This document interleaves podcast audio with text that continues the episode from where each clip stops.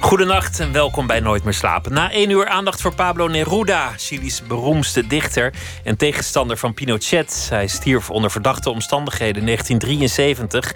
Er is een film gemaakt over zijn leven en daar praten we over na ene. Kun je een spannend, rijk en bijzonder leven blijven leiden als een Parisienne, zoals ze ooit hoopte, na de geboorte van je eerste kind? Sarah Sluimer en haar partner Willem bundelde de belevenissen die ze eerder schreven voor de L. En Sarah komt zometeen op bezoek. Maar we beginnen komend uur met Sven Ratske. Van New York tot Berlijn via Amsterdam, van Australië tot elders. De zalen verkopen uit voor Ratske. Hij beweegt zich ergens in een schemergebied tussen de rock'n'roll, het cabaret en het theater. Tussen Marlene Dietrich, Ramses Shaffi en David Bowie. En hoe moeilijk journalisten hem ook konden plaatsen in het begin. Ze wisten eigenlijk niet wat ze nou aan moesten met die Ratske. Hij veroverde de hoofd voor hoofd zelf zijn publiek. Komende weken zal hij rondreizen met een kerstshow met prominente gasten, muziek en uiteraard vele outfits en gedaantewisselingen. Sven Ratske, geboren in 1977, werd geboren in Duitsland, groeide op in Nederland en leefde eigenlijk al zijn hele leven afwisselend tussen de twee landen in, tussen Berlijn en Amsterdam meestal. Sven Ratske, hartelijk welkom. Ja, goede avond, goede nacht. Waar ben je eigenlijk geboren? Hoe heette die plaats? Die heette Kranenburg met een K. En dat is echt een klein kutdorpje. Uh, maar hoe zou, komt wel... dat zeggen in Duits eigenlijk? Uh, dat is een kaf. Kutdorpje is kaf. Ja, dat is wel een goed woord, hè? Kaf. Uh, en, maar uit dat kaf, uh, daar was ook Jozef Beuys geboren en getogen. Dus dat is dan wel weer een ehm, eigenlijk wel een hele coole verbindenis. Maar ik vond het daar. Eh, ik bedoel, je mag daar eigenlijk niet heel negatief natuurlijk over doen. Want eh, weet je, ik, ben, eh, ik hou van kleine en van grote steden. En ook van, van kleine Kefan. Um, dat is het meervoud dan. Maar daar gebeurde natuurlijk helemaal niks. En voor mij was dat ook toch het Duitsland wat ik... Eh, wat in Nijmegen, waar ik op de vrije school eh, zat... en wat toch een best wel een liberale, linkse stad was... ja, was het negatieve beeld van Duitsland... dat zag ik daar in dat Kranenburg en dat Kleven en dat Emmerich. Maar ik, uh, ik moet ook zeggen dat ik daar nu anders naar kijk... Maar toen, toen had je een soort afkeer daar, Ja, dat was een soort voor mij was het een soort gevangenis. Want je moet zien, ik ben daar geboren. En we wonen op een soort, uh, echt zo'n hele oude boerderij uit de 17e eeuw. En mijn moeder heeft op een gegeven moment in Hamburg gestudeerd. Dus ik zat daar dan uh, van mijn derde tot mijn vijfde levensjaar. En daarna ben ik eigenlijk meteen naar Nijmegen naar school gegaan. Dus ik zat in dat Kranenburg nooit. En op een gegeven moment gingen mijn ouders scheiden toen ik zes was.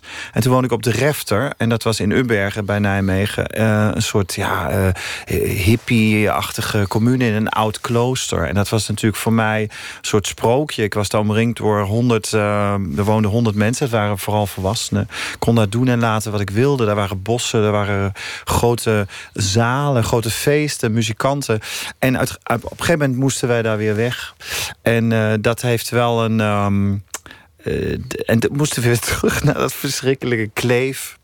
Kleven, dus dat wat bij Kranenburg zit. En dat was wel ja, alsof je uit een soort droomwereld terug wordt gezet naar zo'n huis, weet je, met waar die rolluiken altijd naar beneden zijn. Je kent dat wel in Duitsland. Een soort, soort hele lange zomervakantie die werd beëindigd om, om, terug te gaan naar, naar herfstig Duitsland. Ja, en er zat ook altijd natuurlijk, uh, in de zomer was ik ook altijd in Amsterdam, ook in die krakers zien en zo. En de Keizersgracht, een groot gebouw. En daar kon je dan uh, rolschaatsen door het hele, hele gebouw. Er waren eigenlijk geen regels. Maar dan kom je dus terug naar dat gebied waar het alleen maar uit regels bestaat. Als je nu in New York bent of, of, of waar dan ook en ze vragen waar kom je vandaan, welk, welk land zeg je dan?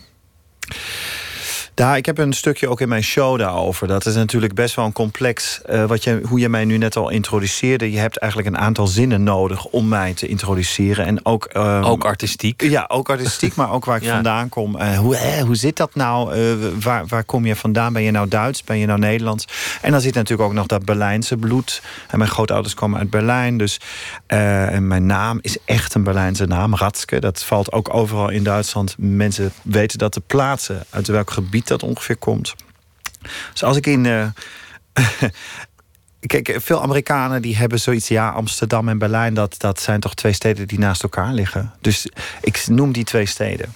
Want ja, die steden, vinden ze ook wel goed. Ja, want die twee, twee steden die bespreken tot de verbeelding. En zij weten helemaal niet zo als uh, wij de gigantische verschillen tussen die twee steden. Voor hun leeft dat denk ik veel in clichés. die, de, de, de, de grachten en de tulpen. En, en Berlijn natuurlijk met zijn, uh, met zijn vergangenheid in de jaren 20 en de golden twenties. Maar als je alleen architectonisch zijn die steden natuurlijk ontzettend ver uit elkaar. De ruimte, het ruimtegevoel is voor mij een van de grootste dingen die ik. Uh, ja, die combinatie heb ik nodig. Ik heb natuurlijk mijn appartement nog in Berlijn. Daar kun je s'nachts over een boulevard lopen en je komt niemand tegen. En in Amsterdam is het, hoor je elk geluid van je buren eigenlijk. Dus, en maar ik, ik heb allebei nodig. Ik vind allebei uh, naar, uh, vervelend en prachtig. Dus, uh, Elk op zijn eigen manier. Ja, absoluut. Ja. De, de obers in Amsterdam zijn onvriendelijk uit arrogantie. De, de obers in Berlijn zijn onvriendelijk om, om weer heel andere redenen. Weil dat Berliner zijn, wist je? Ja. ja. Kom je niet met dem Scheiß aan. Ja, dat is een beetje die Berlijnse houding. Dat heeft zich wel, moet ik zeggen, veranderd hoor. Dat, ik weet nog dat ik een aantal uh, uh, vrienden had uit Nederland... die dan een keer een jaartje daar gingen studeren of zo. Tien jaar of twintig jaar geleden. Maar die, die zeiden, jezus, wat, wat zijn ze hier eigenlijk onvriendelijk. weet je, als je ook geen Engels kon of geen Duits kon... Dan, dan kwam je sowieso niet ver. Dat is wel veranderd. Want die, het is natuurlijk altijd een cosmopolite stad geweest. En, en ja, dat, dat moest ook weer bij elkaar groeien... naar naar, de wende. Dat heeft toch zijn tijd geduurd. Uh, het is nu heel erg toch wel servicegericht. Dat heeft Woverheid, hè, mijn, mijn grote vriend Woverheid, de, de burger, voormalige burgemeester, die helaas die, die het vliegveld niet af heeft kunnen maken. Uh, die heeft daar heel veel uh, promotie ingelegd hoor. Dat het een feest is, die stad. Dat, het, uh, dat is een party. Hè? We zijn arm, maar sexy, was zijn slogan. Nou ja, en dat, toch mis ik ook het Nurkse Berlijn wel eens. Dan, dan, dan hè, dat ze gewoon knorrig zijn. Maar dan moet je gewoon, als je naar Moabit, Moabit gaat... Of, of naar bepaalde plekken in Neukölln of in Kreuzberg... je, krijgt, je zult dat nooit kwijtraken. Want dat is, dat is de Berliner. Dat, dat blijft erin zitten natuurlijk. Je groeide op, zei je, in de buurt van Nijmegen tussen, tussen de hippies. Alles mocht, alles kon. Je was, was een klein mannetje tussen de volwassenen. Het, het was één groot feest. Wat, wat, deed je dan? Werd, werd, je gewoon in de hoek gezet met een, uh, met een Rubik's Cubus of een, of een bal? Of, of... nee, ik, ik ben toen altijd al mijn eigen ding gaan doen. Ik heb... Uh, uh, ik heb toen mensen bij elkaar getrommeld. Er was uh, een soort uh, zo'n zo man uit Suriname en die had een, een soort kanaal, Refter TV. En toen maakte ik daar een soort talkshow in drag. En dan nodigde ik dan de bekende mensen van de Refter, van, van, dat, van die commune, dus uit om met mij te praten. Hoe oud was je toen? Uh, toen was ik denk ik een uh, jaar of negen, tien, zoiets. En uh, toneelstukjes en kleine reclamespots. Want er was natuurlijk een winkel, er was een bakkerij. Er waren grote feesten, dus ik stond daar ook... ja, dit staat altijd in krantenartikelen... dat ik daar zingend met mijn falsetstem natuurlijk nog... met mijn hoge operastem met een accordeonist in het trappenhuis stond. Maar dat was inderdaad ook zo. Er was minstens één keer per maand wel een groot feest. En dan elk jaar was er natuurlijk een jubileum. Hè? Dus en dan werden alle oudbewoners uitgenodigd nodigd. Uh, ja, dus dat. En ik heb toen uiteindelijk, uh, ik denk vanaf mijn elfde, twaalfde, heb ik elk jaar mijn verjaardag daar groots gevierd. Je moet je voorstellen hoe mijn populariteit op, op de school natuurlijk steeg, omdat ik kon iets bieden wat geen ander kind kon bieden. En namelijk een gigantische, er was een kroeg met een bibliotheek erbij. En dan kon je dansen. En dan had ik DJ's. Ik heb een keer zo'n Peter Greenaway, The Cook, The Wife is a Thief the Lover, die, die filmachtig, weet je, met een groot diner en met die muziek erbij. Dus het waren altijd, dat waren eigenlijk mijn theatrale events. Ja, nu uh, vier ik mijn verjaardag helemaal niet meer, want ja, het is elke avond feest. Het is elke avond al feest, ja. Over, over jouw jeugd, want je zegt het staat vaak in krantenartikelen. De, de, de raarste verhalen staan in krantenartikelen. Ja. Over, over mythologisering gesproken. En, en, ik ben zo benieuwd naar de bron. Dat je zou zijn geboren in een sportwagen, in een oldtimer. Waar je, waar je... Nou ja, dat komt eigenlijk uh, uit het verhaal dat uh, mijn, mijn vader die knapte oldtimers op. En uh, wij wonen dus in die, in die, zeg maar echt in een beetje in de middle of nowhere, vlak bij dat Kranenburg. En toen zijn zij in die MG uh, naar dat ziekenhuis gereden. Nou ja, bijna geboren. In het ene artikel is die rood, in de andere is die wit en dan weer is die groen. Precies. Maar dat, dat maakt niet uit, dat zijn het details. Nee, ja, kijk, ik vind dat. Ik, ik denk dat er. Ik heb natuurlijk heel lang, uh, toen ik ook begon. Um, eigenlijk nooit heel veel over mijzelf prijsgegeven. Ik vond dat niet heel erg belangrijk. En ik ben daar nog steeds wel voorzichtig in. Ik ben ook niet iemand die uh, uitbundig uh, op Instagram of Facebook zijn privéleven tentoonstelt. Uh, ik heb dat ook echt aan mijn broers en zussen bijvoorbeeld gevraagd van Hè, als wij een familiefeest hebben, doe dat niet. Ik vind dat gewoon, dat is iets voor ons. En dat is ook voor mijn vrienden zeker. Maar Facebook, ja, dat zijn niet echte vrienden. Die, die, die vervaging van, die, van wat, wat echt is, is, dat, dat is, dat is er helemaal niet meer. En ik wil graag wel die controle erover houden. Het leidt ook af, want jij bent iemand die op een, op een podium gedaantes aanneemt. Mhm. Het leidt misschien af als mensen te veel weten over, over de, de echte Sven Ratske. Of, of gaan gissen van wie is die jongen nou werkelijk. Nou ja, ik, Of hoe zit kijk, wat ik ook interessant vind om in theater te zien is... eh, ik wil verbaasd worden en ik wil ook ehm, eh, verrast worden... En, en, en naar een mysterie kijken. En ik... Er zijn natuurlijk heel veel collega's eh, die eh, bijvoorbeeld vanavond ergens in Nederland op een podium staan... en die daar eh, tussen haakjes als zichzelf staan. Met een t-shirt aan en die eigenlijk een betoog houden. Hè, de cabaretiers. En daar is helemaal niks mis mee. Dat is fantastisch. Bijvoorbeeld Theo Maassen. Dat is echt een geweld. Dat vind ik ongelooflijk goed. Maar dat is ehm, natuurlijk ook maar een deelrealiteit wat hij daar brengt. Maar uiteindelijk eh, in Nederland is het wel heel erg zo dat die, eh, nou, zo iemand deels zijn leven wel gebruikt. En ik gebruik mijn, mijn binnenleven natuurlijk wel, mijn fantasie en mijn gevoelens en mijn, mijn afkeer en mijn angsten, maar niet eh, in de context hoe ik verder leef. Je wordt een, een persona op het, op het podium, een personage, een, een, iets dat groter is dan jezelf. Ik ben dat wel, maar ik, zeg- ik zeg altijd dat ben ik on asset. Alleen neem ik geen asset, want dan zou ik die show niet kunnen doen. Maar het is een soort roes waar je in verkeert als je daar staat.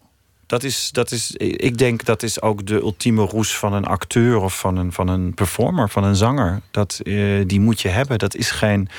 Daarom zou ik ook, ben ik niet iemand die echt geschikt is om eh, in een kant-en-klare productie te staan. Dat zou ik niet kunnen. Ik kan wel met jou een productie gaan bedenken. Als wij allebei eh, ideeën hebben en die kunnen delen, dan kunnen we iets creëren. Wat dan ook kant-en-klaar wordt, maar dan wordt het ons idee. Dus ik moet daar wel op een andere manier. eh, en dat, ik leer het wel steeds meer om. eh, bijvoorbeeld nu met jou zo'n gesprek te voeren. Eh, wie weet wat er allemaal nog voor vragen komen. En daar ben ik niet van, oh god, wat, wat, wat, Wat vraag je nu? Wat vraag je me nu? En als het me niet bevalt, dan zal ik zeggen, oh, hey, doe even volgende. Of zet een liedje Of, op. of je omzeilt het heel mooi. Maar de, de, de artiesten aan wie jij volgens mij verwant bent, die hadden dat ook allemaal. David Bowie, wat, wat wist er nou eigenlijk over de man zelf? ja, dat die, is, die liet ons allemaal gissen. Ja. Eh, Marlene Dietrich, Freddie Mercury, noem maar allemaal dat soort, dat soort Ja. groter dan het leven zelf artiesten. Daarvan weten we eigenlijk heel weinig. Ja, en ik, ik eh, vind dat soort mensen fascinerend. eh, die, die, kijk, die laten ook nog iets tot de verbeelding over. En, en, en er zit ook vaak een, een, een soort melancholie in die, ehm, die ik tegenwoordig. Het is niet zo dat ik in nostalgie zwelg, helemaal niet. Eh, ik, ik, ik denk alleen dat wij kunnen ook ontzettend veel leren vaak van. Wat wordt nu helemaal. Ja, er zijn, zijn twintigjarigen die helemaal niet eens weten wie die mensen zijn. En dat is jammer, want dat waren vernieuwers. Dat waren mensen die constant zich ook vernieuwden. En dat inderdaad, al die namen die je nu noemt, hebben en dat nog gehad. veel meer. Ja. Want, want jou, jou, jouw bronnen zijn, zijn rijk en veel, veelzijdig. Tegenwoordig, de twintigjarigen, die, die hebben contact, denken ze, met hun, met hun Mhm. idolen via Instagram en, en Facebook. Het voordeel is natuurlijk ook dat je kunt bedenken wie je bent en dan wordt het vanzelf waar. En dan kun je bedenken wie je wilt zijn. En daarom is zelfmythologisering volgens mij ook geen slechte gewoonte. Ja. De sportwagen. Je vader kluste aan sportwagens. en daar op de achterbank van een van zijn MG's, of het nou een rode of een witte was, kwam een, kwam een kind op de wereld. ja. Op de bam, op de grond lag Bam, hij op daar. de grond lag hij. Navelsnoer met, een, met, een, met zo'n autosleutel doorgeknipt. Ander hoofdstuk uit het, eh, uit het levensverhaal. De, de ouders die, eh, zeg maar, de, jouw grootouders hadden iets tegen het huwelijk. Ze zijn langs dat huis gescheurd. Nou, dat is echt zo. Dat, En hebben twee keer getoeterd in Ja. een bruidsjurk. Ja, niet eens een bruidsjurk. Volgens mij had, hadden ze dan een spijkerbroek of zo aan, ook nog als protest. Ik denk dat dat moet je natuurlijk ook in de context zien van, van, ehm, van die tijd. Uh, mijn, mijn, ik zeg altijd dat mijn ouders hippies waren. Maar echte hippies waren ze niet. Ze waren alleen vergeleken met mijn grootouders natuurlijk hippies. En mijn, mijn grootouders waren van de Duitse kant natuurlijk uh, ja, getergd en gepijnigd. En, en, en uh, dat was allemaal verschrikkelijk eigenlijk, weet je en ik heb daar wel eens met mijn opa, mijn ratske opa, die dan ook nog op mij leek. Ook qua uiterlijk. Uh, die had ook wel een comedian kunnen worden. Maar die had natuurlijk, de oorlog had hem wel enorm uh, ja, wonden toegebracht. En die heeft hij ook uitgespreid op zijn gezin. Daar, daar zie je heel duidelijk dat hij, dat hij een hele. Uh, ja, totaal geen tolerantie dulde. En ook geen artistieke mijn vader, die, die uiteindelijk toch ook de artistieke kant op wilde. Uh, en dat wordt, werd allemaal niet getolereerd. Bij mij werd dat dan wel getolereerd. Ik weet ook niet, misschien is dat. Ik ben altijd wel heel erg helder in wat ik. ik ben niet iemand die in een soort blonde roes met. Nee, je bent heel gedisciplineerd. Maar ja. misschien hebben jouw ouders jou wel zo, zoveel vrijheid gegeven. omdat ze het zelf niet kregen.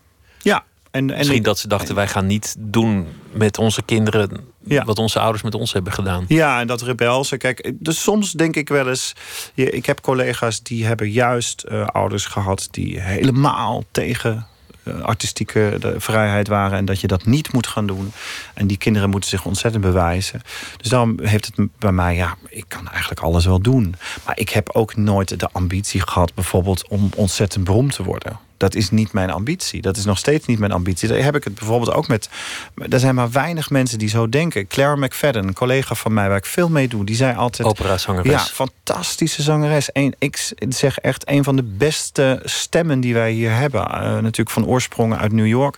Maar die ook zei: Mijn ambitie was goed te worden en niet beroemd te worden. Dus als zij, als de wereld doorbelt en ik heb een repetitie ik heb die repetitie. Dan ga ik daar niet naartoe. En dan zeg ik zelfs, ja maar kom op Claren, je moet naar de fucking wereldrijd door. En dan zegt ze, nee, want ik heb een repetitie waar 40 mensen of 30 mensen bij zijn. En ik heb die afspraak en dat is mij belangrijker. En uh, ja, dus en uh, bijvoorbeeld Tanja Cross is ook een geweldige zangeres, maar ken ik ook vrij goed, ga ik ook dingen meedoen en heb al dingen mee gedaan. Maar die zegt wel, ik wil die bekendheid ook omdat ik die kan inzetten om daardoor meer vrijheid te krijgen. Dus zo is iedereen natuurlijk weer anders. Maar bij jou was het het vak dat voorop stond, het, het theater. Nou, ik moest het natuurlijk uitvinden ook. Want kijk, dat wat ik doe, dat kun je niet per se nou leren op een school. Je kunt natuurlijk naar een kleinkunstacademie of een theaterschool. En dan leer je ook ontzettend veel en een bepaald vak. Maar wat ik doe, dat heb ik met de jaren moeten leren. En natuurlijk ook door het samenwerken. Als je met een Nina Hagen op het toneel staat of met een Claire McFadden, noem ze maar op. Dat is elke avond leren en kijken. En natuurlijk ook al dat uh, internationale toeren. Als ik mensen in New York zie, ja, die werken weer heel anders dan in Sydney of in Londen. En dat is uh, voor mij, is, ik ben heel gierig aan het kijken. Denk, yes, dit is interessant. En als je een Penny Arcade die met Andy Warhol films heeft gemaakt. En die mij, dat is als je met haar koffie drinkt, dat is een lecture. Die geeft je een lezing over het leven en over het vak. En natuurlijk hoef je daar niet alles van mee te nemen. Je kunt ook zeggen, nou, dat, dat is nou echt niet aan mij besteed. Maar het is ontzettend fascinerend. Ben je jaren verloren? Onderweg? Aan, aan uh, nou ja, gewoon verdwaald zijn? Of, nou, uh, ik denk wel eens dat ik uh, heel. Ik ben wel heel vroeg begonnen, hè, op mijn 20ste, 21ste met eigen programma's maken. En ik denk ook dat er een aantal misschien wel directeuren en ook journalisten en ook publiek waren die mij helemaal aan het begin hebben gezien en die zeiden: Nou, dat is niet voor mij, dat vind ik niks. En die heb ik, daar heb ik wel zoiets van: Nou, ik spuug ze in de bek. Want kijk, de, je moet ook. Uh, ik ben totaal anders dan toen bijvoorbeeld. Ik praatte toen niet eens. Moet je voorstellen, ik zong liedjes op blote voeten en lag, zag eruit als zo'n Egon Schiele figuurtje. En nu ben ik toch wat wat uh, sportiever of wat, wat uh, krachtiger in de hele performance. En als mens natuurlijk heel anders. Dus ik kijk ook zo. Ik krijg ook vaak wel studenten die naar mij toe komen en zeggen: Goh, wil je mij een masterclass geven of whatever, weet je? En dan daar kun je daar wel doorheen kijken of iemand iets heeft. Of, of dat er iets gaat ontstaan. En dat het een hele andere richting opgaat. We gaan luisteren naar eh, een van je grote helden. En dat naar aanleiding van een ehm, voorstelling die je hebt gemaakt. We gaan het uh, niet draaien in de versie van de man zelf, David Bowie. Maar we gaan het uh, doen in jouw uitvoering van, van het project Starman. En dit is Heroes.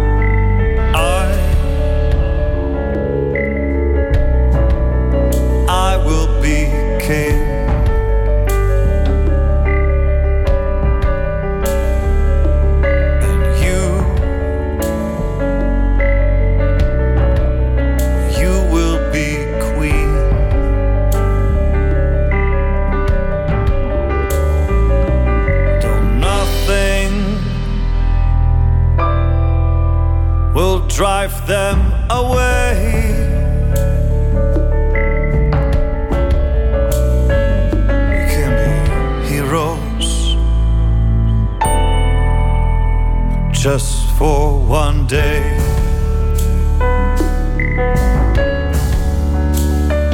Can be us just for one day.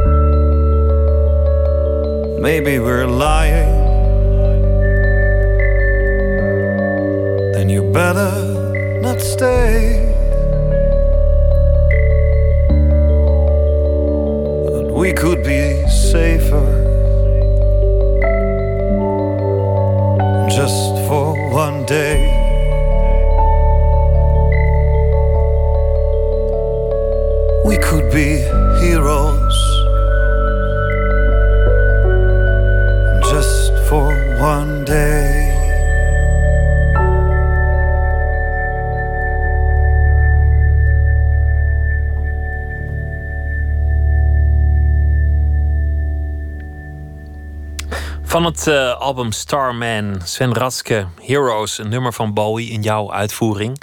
Het is, het is niet alsof je een, een Bowie-imitatieproject had of, of uh, covers ging doen van Bowie en daar een tourneetje mee had. Het is gewoon een theatervoorstelling. Het is een Sven Ratske show. Ja. met, met heel veel outfits en, en, en heel veel uh, theater. Maar wel de, de liedjes van, van David Bowie. En dan is het, is het merkwaardig natuurlijk dat jij daarmee bezig bent en dat de man sterft. Ja. Dat dat, dat gelijk opgaat. Ja, iets wat, wat bij mij ook mm, echt een, die gedachte was er nog nooit geweest. Dat hij dood kon zelfs. Ja, maar hij, voor, eigenlijk is die ook niet dood. Want uh, kijk, dat is ook het. Nogmaals, inderdaad, het is uh, geen tribute show. Uh, zijn muziek is zo goed. Zijn, zijn composities zijn zo goed. Zijn teksten zijn zo goed. Dat je je eigen emotie daaraan kunt geven. En ik hoop, ja, ja we, we zijn daar natuurlijk al nu anderhalf jaar mee onderweg. Dus ver voor zijn dood uh, is die première geweest. En naar New York en al, eigenlijk alle steden waar hij die belangrijk voor hem waren. De première was in Berlijn. En uh, ik heb ook eigenlijk nooit erover nagedacht dat mensen daar dan misschien zouden denken van tevoren met, met zo van nou, uh, je durft wel. Dat kwam pas na de première. En maar dat mensen het zeiden van nou, je hebt het, je hebt het gedaan. Ik vind het fantastisch, maar dat je dat durft ook, is eigenlijk heel bijzonder. En ik dacht van, hoezo? Dit is toch een fantastische... Ja, ik ben heel erg in zijn wereld gedoken, maar heb dat inderdaad naar mij toe getrokken. En er zijn heel veel parallellen. Ik, ik zei net toen het liedje liep van, ja, eigenlijk wilde hij volgens mij musicals en, en, en, en toneelstukken maken en, en theater maken. En heeft hij ook wel een beetje gedaan? Heeft hij zeker gedaan. En die liedjes, daarom zijn die liedjes ook zo goed. En ook gerelateerd aan aan Brecht en Weil en Brel en Piaf. Dat eh, delen jullie ook, de liefde voor Berlijn. Ja, zeker. Ja. En ook, kijk, de, de liefde voor Berlijn, dat heeft ook niet per se het nostalgische, maar vooral, daarom word ik vaak in verbinding gebracht met de jaren twintig waarin er geen hokjesgeest was. Natuurlijk binnen uh, toen die uh, verschrikkelijke naties opkwamen... die eigenlijk dat helemaal kapot gehakt hebben. Alles boeken verbrand, alles verboden, alles werd kapot gemaakt. Maar daarvoor was het één groot feest. Was het één groot. Daar komt natuurlijk dat variété, dat vaudeville vandaan. Dat je in een avond in een nachtclub zit en je ziet alles voorbij komen. Van moderne dans tot opera tot literatuur tot comedy, door al die vormen. En die vermengen en die bevruchten elkaar. En dat vind ik heel fascinerend. Dat blijf ik natuurlijk nog steeds doen. Nu ook weer. Dan ga ik in december hier in Nederland. En nodig eigenlijk mijn vrienden uit. Maar van, van Lavinia Meijer tot, tot een Freek de Jonge. Ja, hoe, hoe breed is het spectrum van kunstenaars die wij hier in Nederland hebben. En uh, het is niet zo dat, dat je dan, ja, die ene voorstelling was, kwam dan beter. Nee, die zijn allemaal leuk. Omdat ik ben natuurlijk de rode draad. Ik nodig die mensen uit. Net en, als je verjaardagsfeestje vroeger uh, bij de hippies. Ja, eigenlijk wel. Ja. Een feestje bouwen met, met gasten. En... Ja, waren ook altijd optredens daar. En mensen die het konden, die, die zette ik dan ook in de spotlights. Maar de jaren twintig in Berlijn, je kunt niet omkijken zonder door alles wat er nagekomen is heen te kijken. Ja. Dat, dat belemmert het uitzicht. Het was ook anders ontploft of uh, net als een ballon uh, leeg, leeg gegaan of zo. Dat was, zoiets kan, moet altijd iets. Kijk, dat zie je natuurlijk nu ook weer met zo'n verschrikkelijke. Ik bedoel, de, dan, uh, hier je redactie had het net over Netflix en House of Cards. Maar House of Cards, de realiteit is meer is verschrikkelijker en ongeloofwaardiger dan House of Cards. Ja, de serie met, is ingehaald. Ja, wat, en, en dat is natuurlijk Door de vooral naar zo'n zo'n uh, ja, uh, regering met Obama... waar eigenlijk, uh, wat een showkappel, wat een, wat een, wat een heerlijkheid, wat een, wat een perfectie. En nu komt dan eigenlijk... ja, het is, het is de, de villain van Batman of zo. Ik bedoel, het is, je kunt het helemaal niet bedenken. Het is gewoon een B-movie. En zo gaat het natuurlijk altijd in geschiedenis. En nu gebeurt. Kijk, in New York, ik heb ontzettend veel vrienden daar. Die zijn echt letterlijk depressed. Die, die vertrekken op dit moment uit New York. Voor ons is dat niet voorstelbaar. Van hè? Maar hun leven wordt, dat gaat, dat gaat in, de, in de achteruitgang. Hè? De, de, de, de, de, er is geen. De, ik bedoel, er wordt over elektroshocktherapie gesproken voor homoseksuelen. Ik bedoel, dat, dat gaat dus weer terug naar eigenlijk wat er uh, na de jaren twintig kwam. Wat jouw ideaal is, is als je, als je dan toch het hebt over de jaren twintig in Berlijn, zo'n zo'n zo'n eh, tolerante bubbel, is ook een soort vrijheid. Ja, dat zit ook in jouw voorstelling. Is de man nou man of is die nou vrouw? Is het een travestiet? Is die, is die homo? Is die hetero? Dat, dat maakt eigenlijk allemaal niet zoveel uit. Nee, maar je dat- speelt er wel mee, maar ja, het- maar ik heb daar ook nooit eigenlijk bewust... eh, en nu ook niet, dat ik daar mee bezig ben. Ik doe niet wat- iets wat je erin legt. Nee, dat leg ik er niet als een politieke lading in. Of kijk, ik speel natuurlijk ook Hedwig en the Angry Inch, waar ik een transseksueel speel. Die eigenlijk een tussenwezen is tussen man en vrouw. En die ja, met haar rockband dan rondtoert. En haar verhaal, is dat nou eigenlijk echt? Of is dat allemaal een soort hersenspinsel wat ze daar heeft bedacht? En ja, dus dat heeft natuurlijk voor eh, de, de, de gay community en, en voor de, eh, ook in New York en zo, eh, de- opent dat een andere deur. Als mensen zeggen, oh, jij bent daarmee bezig. Ja, houd je daarmee bezig. Maar ik hou me bezig met wat ik fascinerend vind. En mensen die ik fascinerend vind, waarvan ik hou. En die breng ik bij elkaar. Dat maakt mij helemaal niet uit. Of ja, ik wil echt dat hokjes ding heel graag Achter je weg. laten. Aan, aan de andere kant ben ik natuurlijk. Misschien had je mij tien jaar geleden had je twintig zinnen nodig gehad om mij te introduceren. Nu heb je er nog maar vijf nodig. Dus ik kom langzaam. Kom je tot een soort in een hokje. Maar dan ga ik er weer doorheen. Kijk, ik kan ook volgend jaar een dansvoorstelling maken. Maar het gaat je allebei ook makkelijk af om, om, om in een jurk te staan en even later een ontzettende macho rocker te zijn. Dat, dat, Ja, maar het wordt wel vaak in zo'n cliché. eh, zelfs, eh, ik had laatst ook weer een interview en dan zei: Ja, je doet toch travestie?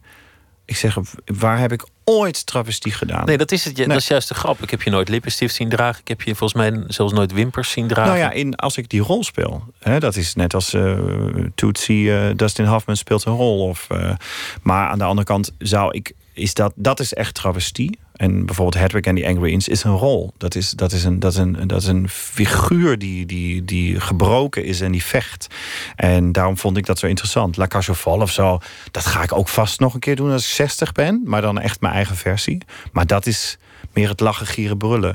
Maar als je een mens van vlees en bloed kunt laten zien, dan is dat interessant. En als je inderdaad in Starman of in mijn andere voorstellingen iemand kan laten zien die mystery met zich meebrengt en die inderdaad die misschien wel vragen opwerpt, maar het publiek wat mij volgt nu de laatste jaren, die vinden dat juist spannend en juist nou- interessant. Nou zeg je iets interessants. Want je komt in, in New York met een Bowie-show. En, en dan zijn er mensen die zeggen... Nou, jij durft.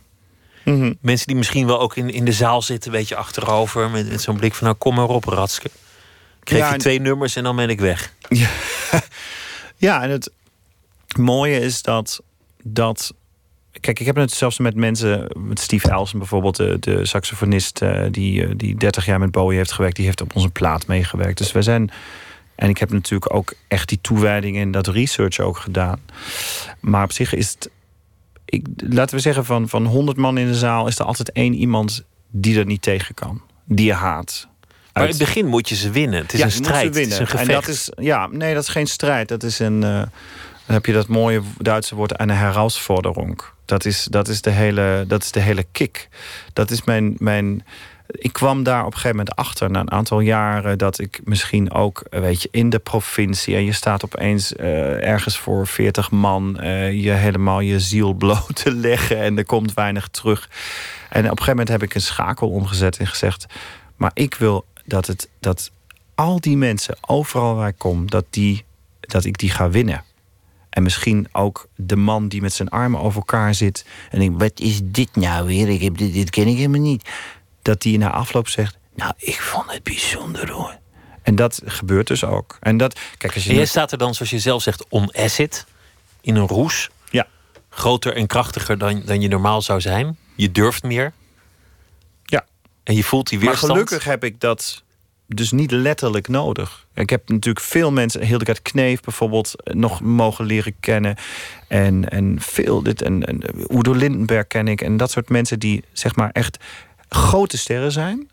En die die leegte ook vaak moesten vullen met middelen en dingen. En dan lichamelijk eigenlijk achteruit zijn gegaan. En dat lichaam en die stem, die heb ik natuurlijk nodig. Dus ik kan dat niet. kan wel heel erg losgaan.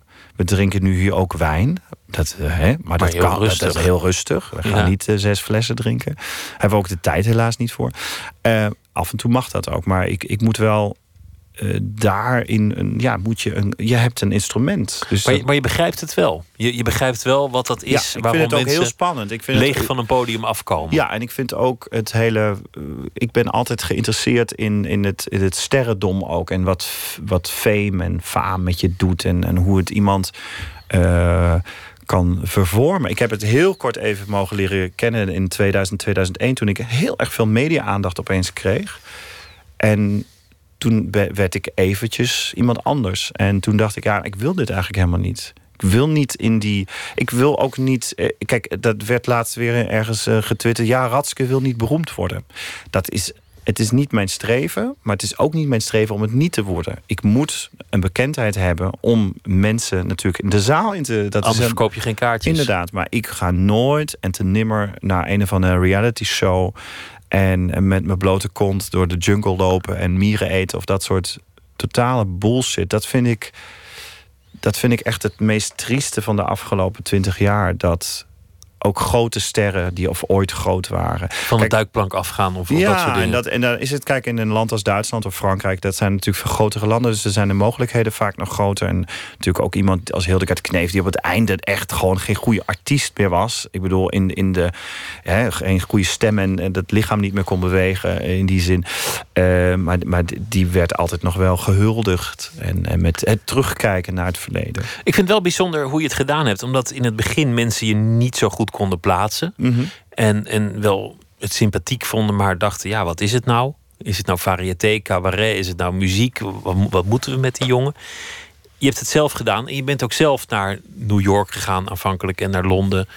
Je, je hebt zelf je, je spaargeld stuk geslagen volgens mij om, om Ja. daarheen te komen. Zelf contact gezocht met, Ja. met promotors. Hoe doe je dat dan? Hoe ga je dan naar, naar New York? Je denkt, oké, New York is de volgende stad. Hoe pak je dat dan aan? Hoe krijg je daar een zaal vol als niemand je kent? Nou, ik ben eerst eh, gevraagd eh, de eerste keer. En door iemand, een eh, hele maffe man, Earl Dex heet die. En die brengt heel veel, heeft heel. Dat is eigenlijk een soort agent, een impresario. Maar eigenlijk is hij dat niet, want hij kan niet met geld omgaan. Hij heeft ook zelf geen geld. Maar wat, hij, wat zijn grootste talent is, hij reist de wereld rond en hij brengt mensen samen. Mensen die hij interessant vinden. En hij zit natuurlijk in die, heel erg in die, in die queer community. En hij, hij heeft een avond, eh, die heette Weimar New York. En dat was eigenlijk tegen de government. Dat was nog voordat Obama aan de macht was. En, en tegen de Tea Party en allemaal. En dat waren eigenlijk heel erg naar Berlijn gekeken. Hele bijzondere avonden. En dat was een, echt een soort cult. De New York Times schreef daarover enzovoort. En daar ben ik. Die, die heeft mij opeens. eh, Ik heb mij eh, een abonnement genomen op zijn nieuwsletter. En opeens kreeg ik een uur later een mail. Who the hell are you? Want hij had mijn, mijn naam gezien en dacht van hè? En toen heeft hij op mijn website toen de tijd gekeken. En toen heeft hij gezegd: I want you for my show. En ik zeg: Jezus, nou ga ik naar New York. Twee jaar niks meer gehoord. Opeens zit ik in Barcelona en ik krijg een mailtje: eh, Can you come eh, in two weeks? Can you be the star of the show? Eh, Oké, dat heb ik toen gedaan. En dat sloeg toen heel erg in. Dat, dat werkte. En toen heb ik nog notabene Duitse nummers gezongen... zoals Deutsche zu viel Sex Appeal... wat toen een soort hitje voor mij was. En dat werkte. En die mensen... Oh my god, you're so amazing. En ik dacht, allemaal dit is allemaal fake.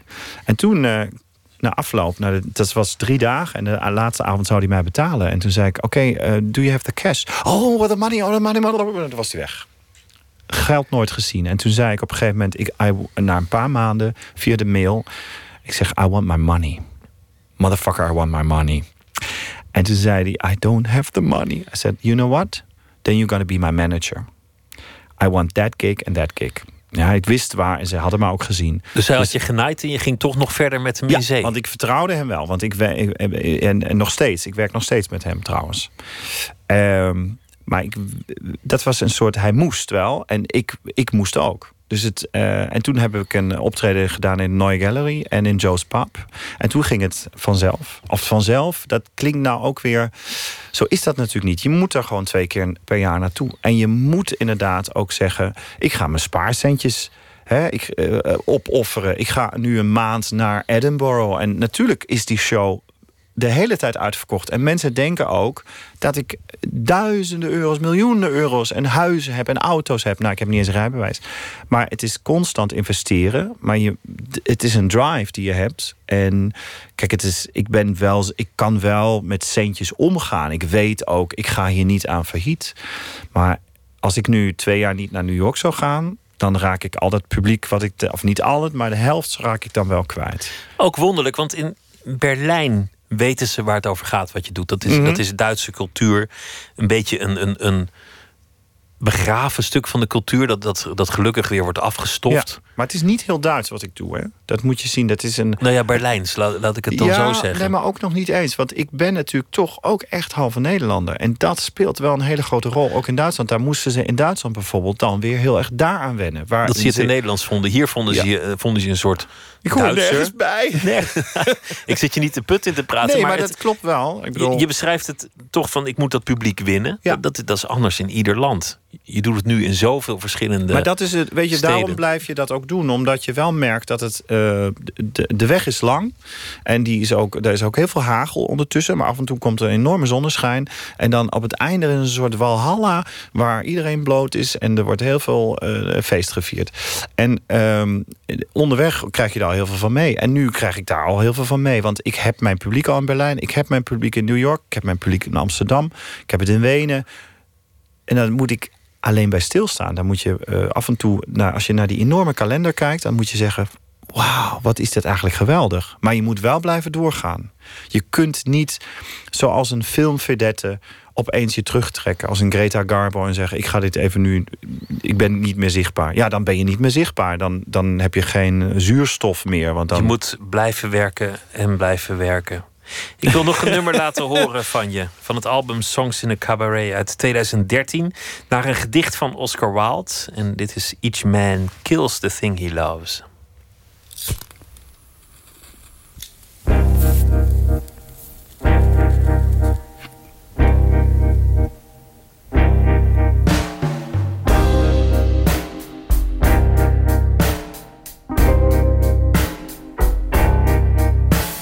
Each man kills the thing he loves.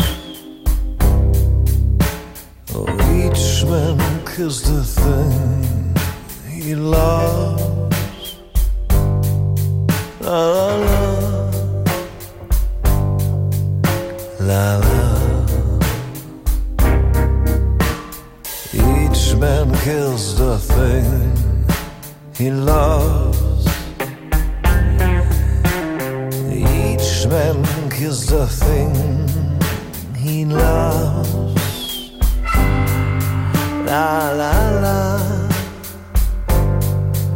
La la. Some do it with a bitter look, some with a flattering word.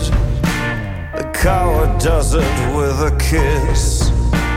The brave man with a sword, with a sword, with a sword.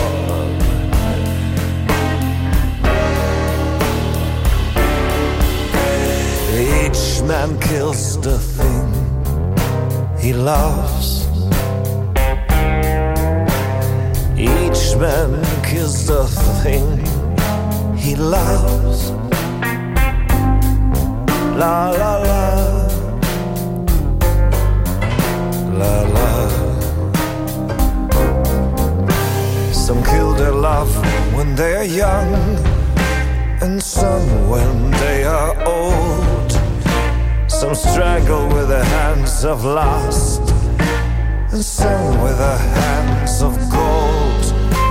The kindest use a knife because the dead so soon grow cold.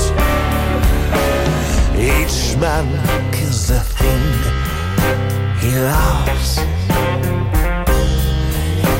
Each man kills the thing he loves. La la la. La la. Some laugh too little, some too long. Some sell and others buy. Some do the deed many tears, and some without a sign. For each man kills the thing he loves, but each man doesn't die.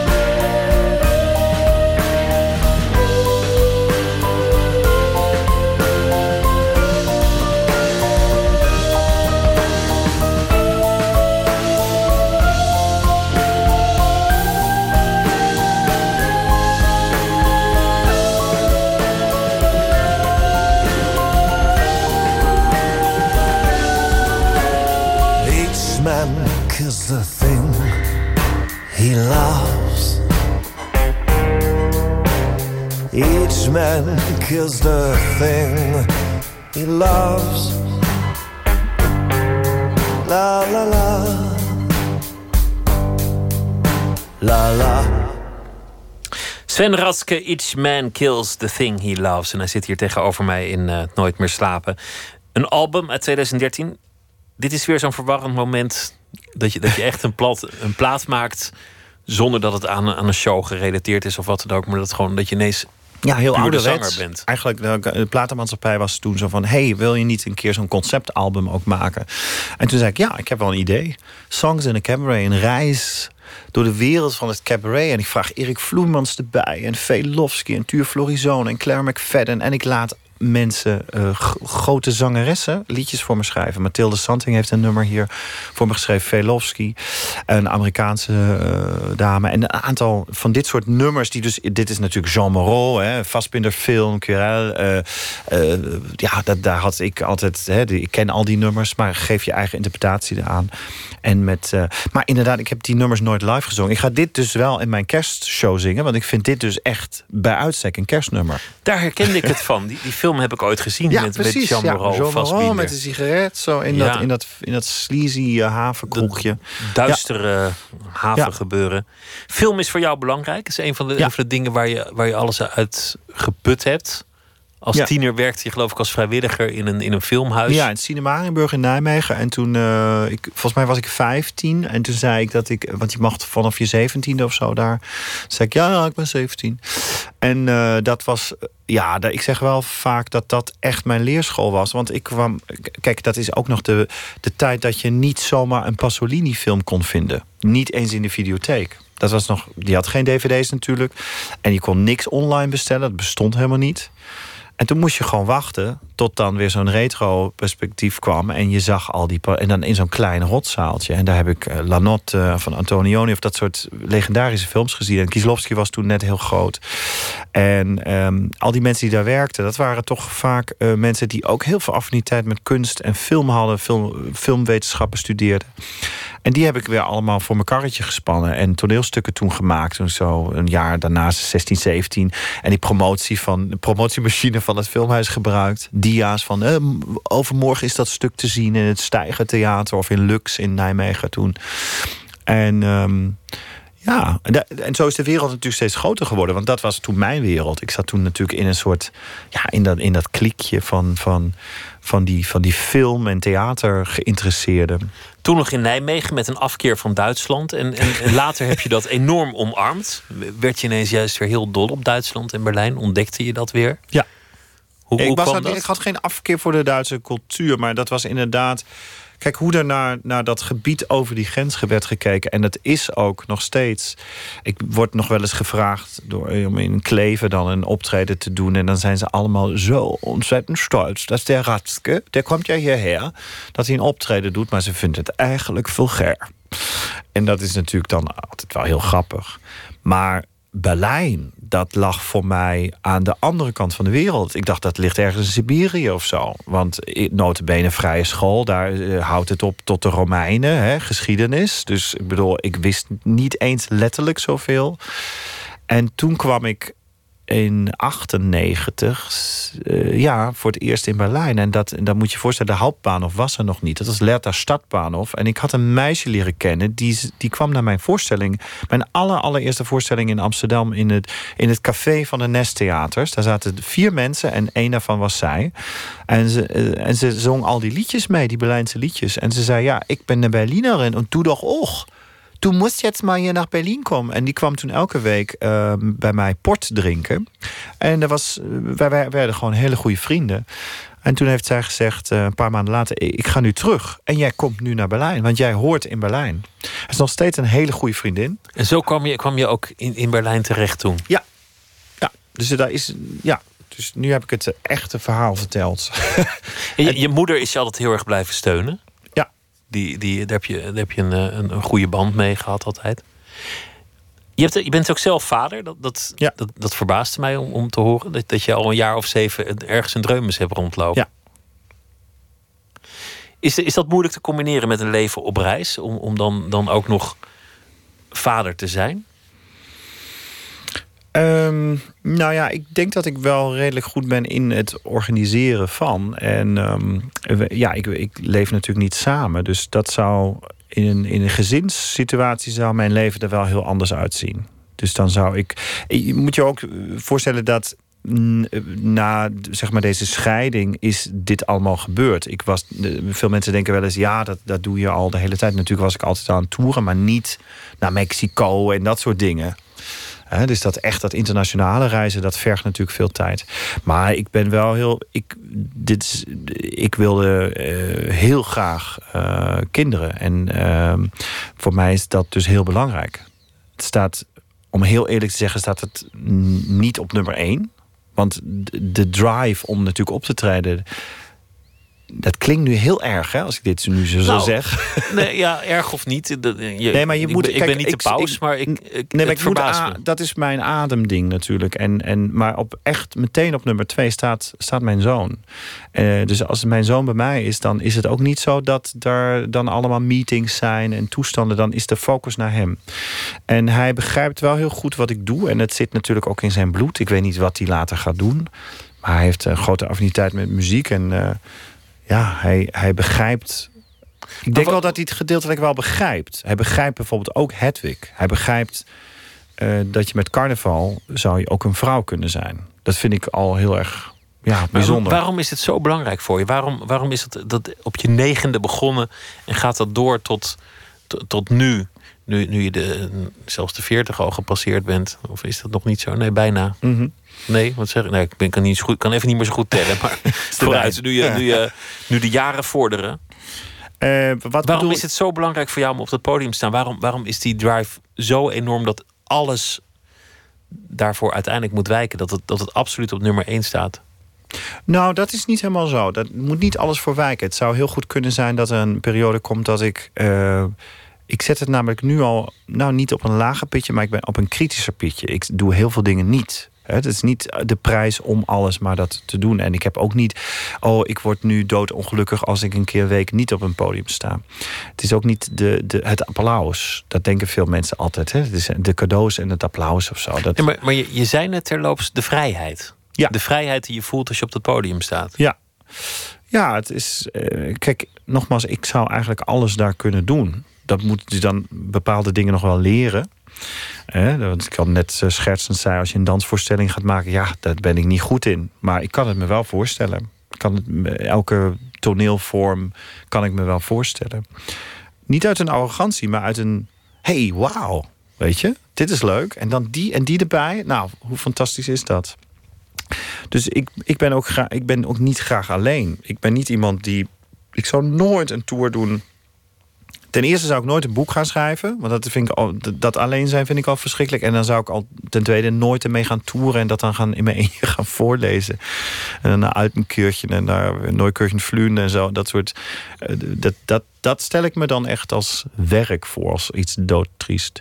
Maar zoiets zit natuurlijk in je. Er zit iets. Ik word vaak gevraagd: wanneer besloot je om artiest te worden? Dat was een onzinvraag. Dat zit in je of dat zit niet in je. Je dat ga het- je, ook niet op een school leren. Dat vind ik echt totale onzin. Natuurlijk eh, heb je altijd die clichés van eh, het jongetje of het meisje dat op de tafels ging staan en de menigte op een bruiloft al ging vermaken. Maar goed, dan zit dat dus wel in je. En eh, je leert, zeker. Maar die drive, die kun je niet, eh, ja, kun je niet onderdrukken. Het, dat is iets scheppends. Hè, dat, dus het gaat ook niet om of. Kijk, want dan zou ik ook een drive hebben. Als het mij alleen maar om de faam ging en om de applaus, dan zou mijn drive zijn om eh 30 keer in carré te staan en, in, in, en alleen maar eh, een popmuziek gaan maken. Om massa's aan me te. Maar ik denk juist dat dat een legere. eh, een leger vak is dan het theater. Want het theater is eigenlijk van gezicht tot gezicht. Je ziet gezichten. Je ruikt de performer, je ruikt het publiek. Dat soort zalen speel ik. Dat is- in Carré ook trouwens. De eerste paar rijen. Moet ook nog even vertellen over de, de kerstshow. Want dat is Ja. de, de, aanleiding dat je, dat je hier was. Wat, wat, wat ga je allemaal doen? Wie komen er allemaal? Wat gaan jullie, wat gaan jullie uitvreten? Ja, wij zijn eigenlijk in een paar van mijn favoriete theaters in eh, Amsterdam, Eindhoven, Utrecht, eh, Den Haag, Arnhem en Nijmegen. Dus het is een select gezelschap. En daar ga ik naartoe met mijn eh, fantastische band. En in die band is al mijn eerste gast Velofsky. Die natuurlijk van alles speelt. Van theremin tot zingende zaag, eh, banjo enzovoort. Die vrouw is echt een fenomeen. Die zingt ook eigenlijk het enige kerstnummer. Die heeft toen in de jaren tachtig zo'n hitje gehad. Hè? Fantastisch nummer. Ik zing eigenlijk imaginaire kerstnummers van Falco, van Michael Jackson, van Prince, van Bowie, van eh, Leonard Cohen. Zo, dus eh, de, eigenlijk ook de, de overledene. Dat is heel echt een beetje toevallig gekomen, want dat zijn nummers die Dat ik was ook wel dit jaar natuurlijk. ja, en, eh, maar ook die nummers die ik dan zo op met de jaren een beetje aan het zingen was. En vertel fantastische verhalen. En, en het, het- dat is ook allemaal, daar is ook veel te lachen. Maar eigenlijk is het een soort eh, grote bonbondoos. Want elke keer heb ik weer gasten. Dus dat, dat gaat van burlesque naar inderdaad van Lavinia Meijer, Freek de Jonge, eh, Mathilde Santing, eh, Clara McFadden, Erik Vloeimans. Dus elke keer heb ik zo een muzikale icoon waar ik iets mee ga doen. Het wordt een mooie avond, vermoed ik. Sven Ratske, dank je wel. En heel veel plezier. Zometeen gaan we verder met Nooit meer slapen. Twitter, het VPRO NMS. We zitten op Facebook. En u kunt zich abonneren op de podcast via iTunes of de website van de VPRO. vpro.nl slash nooit meer slapen.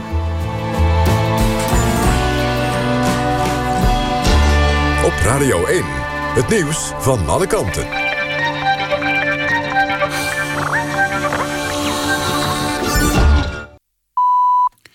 1 uur, Jan van der Putten met het NOS-journaal. De voorlichting over het nieuwe bevolkingsonderzoek naar darmkanker is onevenwichtig. Dat zeggen vier deskundigen in vakblad Medisch Contact. Ze vinden het verkeerd dat het RIVM voorlichting geeft... en tegelijkertijd het onderzoek uitvoert. In de brochure van het RIVM wordt selectief gebruik gemaakt van cijfers. Belangrijke gegevens worden niet vermeld... en er staat geen afweging in waarom mensen wel of niet moeten meedoen aan het bevolkingsonderzoek. De brochure wordt aangepast, zegt het RIVM. PvdA en D66 vinden dat het kabinet te weinig doet om elektrisch autorijden te stimuleren. De partijen wijzen erop dat in de hele Europese Unie de verkoop van elektrische auto's stijgt, maar dat die in Nederland daalt. Minister Kamp trekt nog eens anderhalf miljoen euro uit voor meer laadpunten. Maar PvdA en D66 vinden dat niet genoeg. Ze willen voor elektrische auto's lage parkeertarieven, vrije toegang tot busbanen en de garantie dat de accu het altijd doet. Bestuurders van de Italiaanse bank Monte dei Paschi di Siena hebben in Frankfurt overlegd met toezichthouder de Europese Centrale Bank. Bronnen rond de bank hebben dat gezegd tegen de NOS. Mogelijk wordt komende dag duidelijk of de eeuwenoude bank met staatssteun overeind mag worden gehouden. Officieel mogen Europese landen hun banken niet meer redden met geld van belastingbetalers. Maar omdat Monte dei Paschi zoveel spaarders heeft, is het volgens deskundigen erg slecht voor de Italiaanse economie als de bank omvalt. De politie is op zoek naar een man die mogelijk is mishandeld... door iemand van motorclub Bandidos. Er staat een foto op het mobieltje van een van de verdachten... in het strafrechtelijk onderzoek naar de motorclub, meldt 1 Limburg. Het lijkt erop dat de man flink is toegetakeld. De politie denkt dat hij slachtoffer is van een ernstig misdrijf. Alleen is niet bekend wie die is. De politie heeft de foto daarom op internet gezet. Het weer vannacht droog in het noordoosten lichte vorst. Overdag wisselen bewolkt in het zuidoosten geregeld zon. En het wordt 4 tot 10 graden. Dit was het NOS Journaal. NPO Radio 1. VPRO. Nooit meer slapen.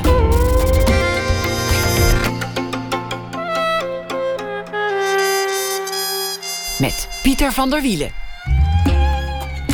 Over Pablo Neruda zal het zo meteen gaan. Er is een film gemaakt, Neruda, over het leven van de Chileense dichter. We bespreken die film met schrijfster Paulien Slot, die hem als een van zijn haar personages heeft opgevoerd in een roman. Sinds de geboorte van hun zoon schrijven Sarah Sluimer en Willem Bos afwisselend een column voor tijdschrift L over het leven als jonge ouder. Die zijn gebundeld, de stukken, in het boek Ontaarde Ouders. Sarah Sluimer komt op bezoek. En deze week op deze plek niet een schrijver die een verhaal schrijft bij de voorbije dag. In plaats daarvan gaan we terug in de tijd. Aanleiding is het nieuwe nummer van het literair tijdschrift Das Magazine. Gekrenkt en hongerig. En dat bevat alleen maar ongepubliceerde stukken van schrijvers die inmiddels bekend en gevestigd zijn. Maar destijds waren ze nog jong, tieners en twintigers. Een van deze schrijvers zal elke nacht iets voordragen. Vannacht Walter van den Berg. Goedenacht, Walter. Hallo. Geboren in 1970, je debuut zou pas komen in 2004. De tekst die de jongens van Das Magazine hebben opgeduikeld stamt uit 1990. Je was 20. Hoe zou je het omschrijven? Was het een, een, een jeugdzonde of was het eigenlijk steengoed? Uh, nou, ik, het zat wel tegen steengoed aan, denk ik. ja, dat is... Uh, uh, ik denk, denk dat de, het idee wat ik erbij had toen ik het opstuurde... dat dat, dat ehm, dat daar weer de jeugdzonde in zat. De, de, dan, want ik, ik dacht uh, van dit, dit gaat, uh, gaat mij onmiddellijke uh, publicatie opleveren en zo. Maar dat moet je denk ik gewoon denken als, als je iets opstuurt naar een uitgever. Dat, anders moet je niet opsturen. Ja, ja je, kan, je, kan, je kan het maar beter denken, want anders is het allemaal zonde. Het, ik kan het beter gewoon laten. Ik ben benieuwd naar het verhaal. moeten we nog iets weten voor je het voordraagt? Behoeft het introductie? Nee, ja, het, het, is gewoon een fragment. Het is, het is, het is iets, een verhaal wat ik niet... Ik, ik, ik weet zelfs niet meer hoe het afloopt. Ik heb, eh, het, het was een, een, een complete roman die ik heb opgestuurd. Uh, die ik heb teruggekregen van de uitgever uh, waar, naar wie ik het heb opgestuurd. En ik, ik weet het niet meer. Ik weet niet meer hoe het afloopt. het begint lekker spannend in ieder geval. Ga je gang. Dankjewel. Ze kunnen maar beter bang voor je zijn als ze je niet aardig vinden. Dat is wat ik altijd zeg tegen Frank. En ik ben niet aardig, nooit geweest ook. Als mensen je aardig vinden, gaan ze aan je plakken. Dan blijven ze achter je reet aanlopen, moet je ze wegtrappen, af, weg, rot op. Maak ze bang voor ze je aardig gaan vinden en je kan je de moeite besparen. De jongen achter het loket wisselt voor me. Hij kijkt niet op. Hij is niet geïnteresseerd in de wereld buiten zijn glazen hok. Hij heeft alleen zijn geld waar hij zich op richt. En het is niet eens zijn geld. Overal zie je zieligheid.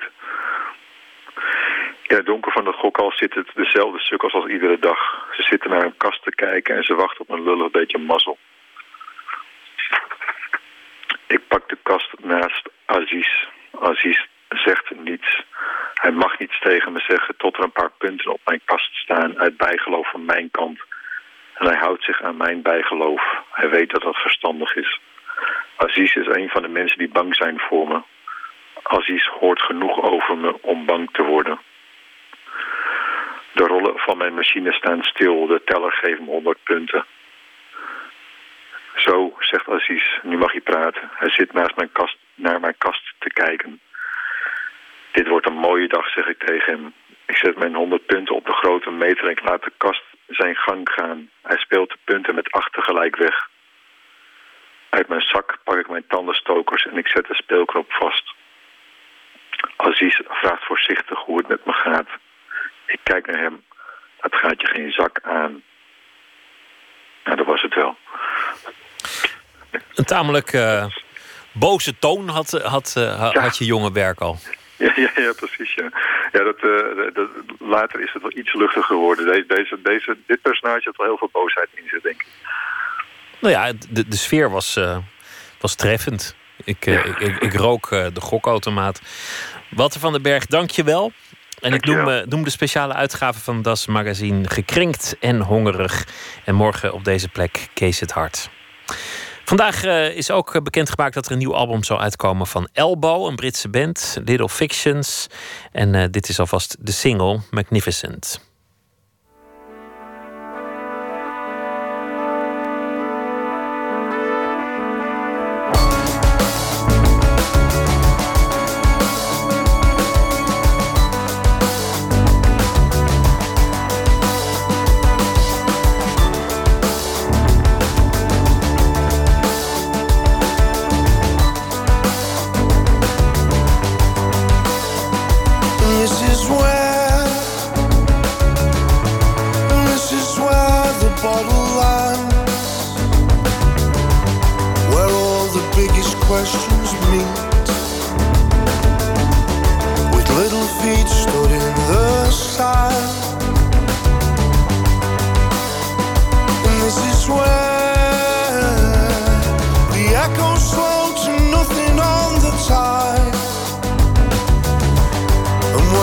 tiny pair of hands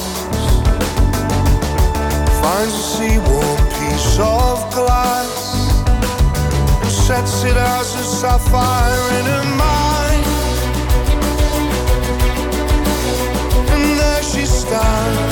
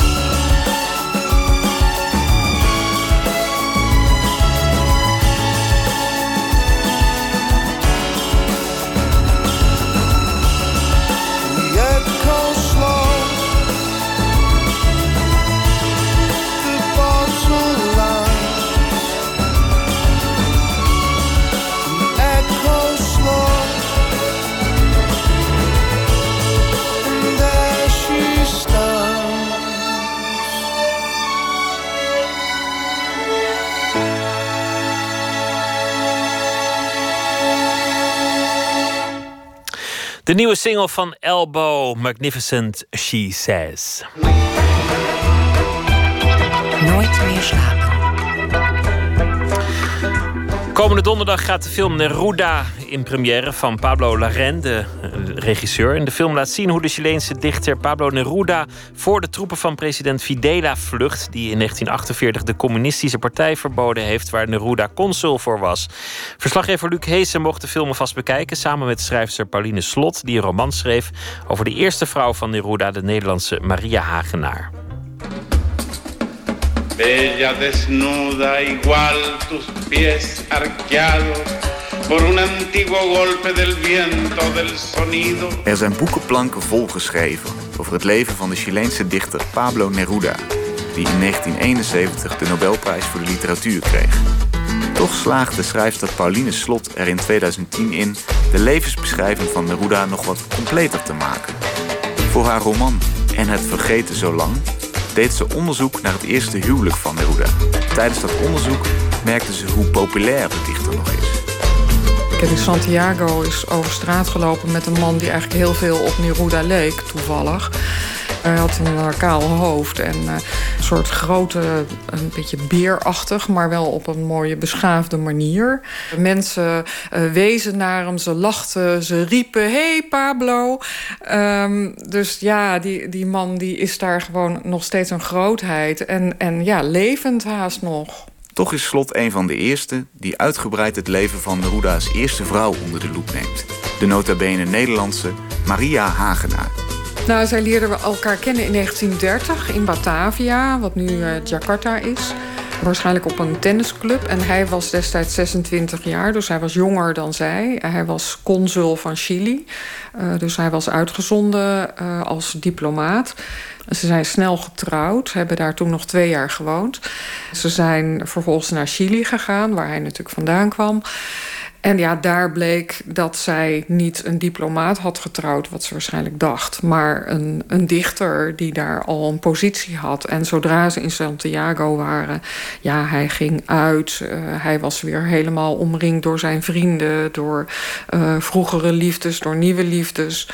En zij kreeg al heel snel de reputatie uh, uh, dat zij als een soort uh, politieagent op een balkon stond te wachten tot hij midden in de nacht weer thuis kwam en hen, hem dan uitvoeterde. Mensen begrepen haar niet, ze vonden haar raar, ze vonden haar heel lang. ze sprak natuurlijk niet heel erg goed Spaans, dus zij, ja, zij was daar een buitenstaander en iemand die hem eigenlijk tegenhield. Maria, door de Chilenen Maruca genoemd, ging met Neruda mee naar de posten waar hij als diplomaat werd gestationeerd. Eerst naar Buenos Aires en later naar Madrid. Hij werd daar ingehaald als de grote Zuid-Amerikaanse dichter. En ja, zij was de vrouw die daar maar een beetje bij hing. Uh, ze heeft daar hun dochtertje gekregen, Malva Marina, die uh, gehandicapt geboren werd. Die had een waterhoofd en allerlei problemen.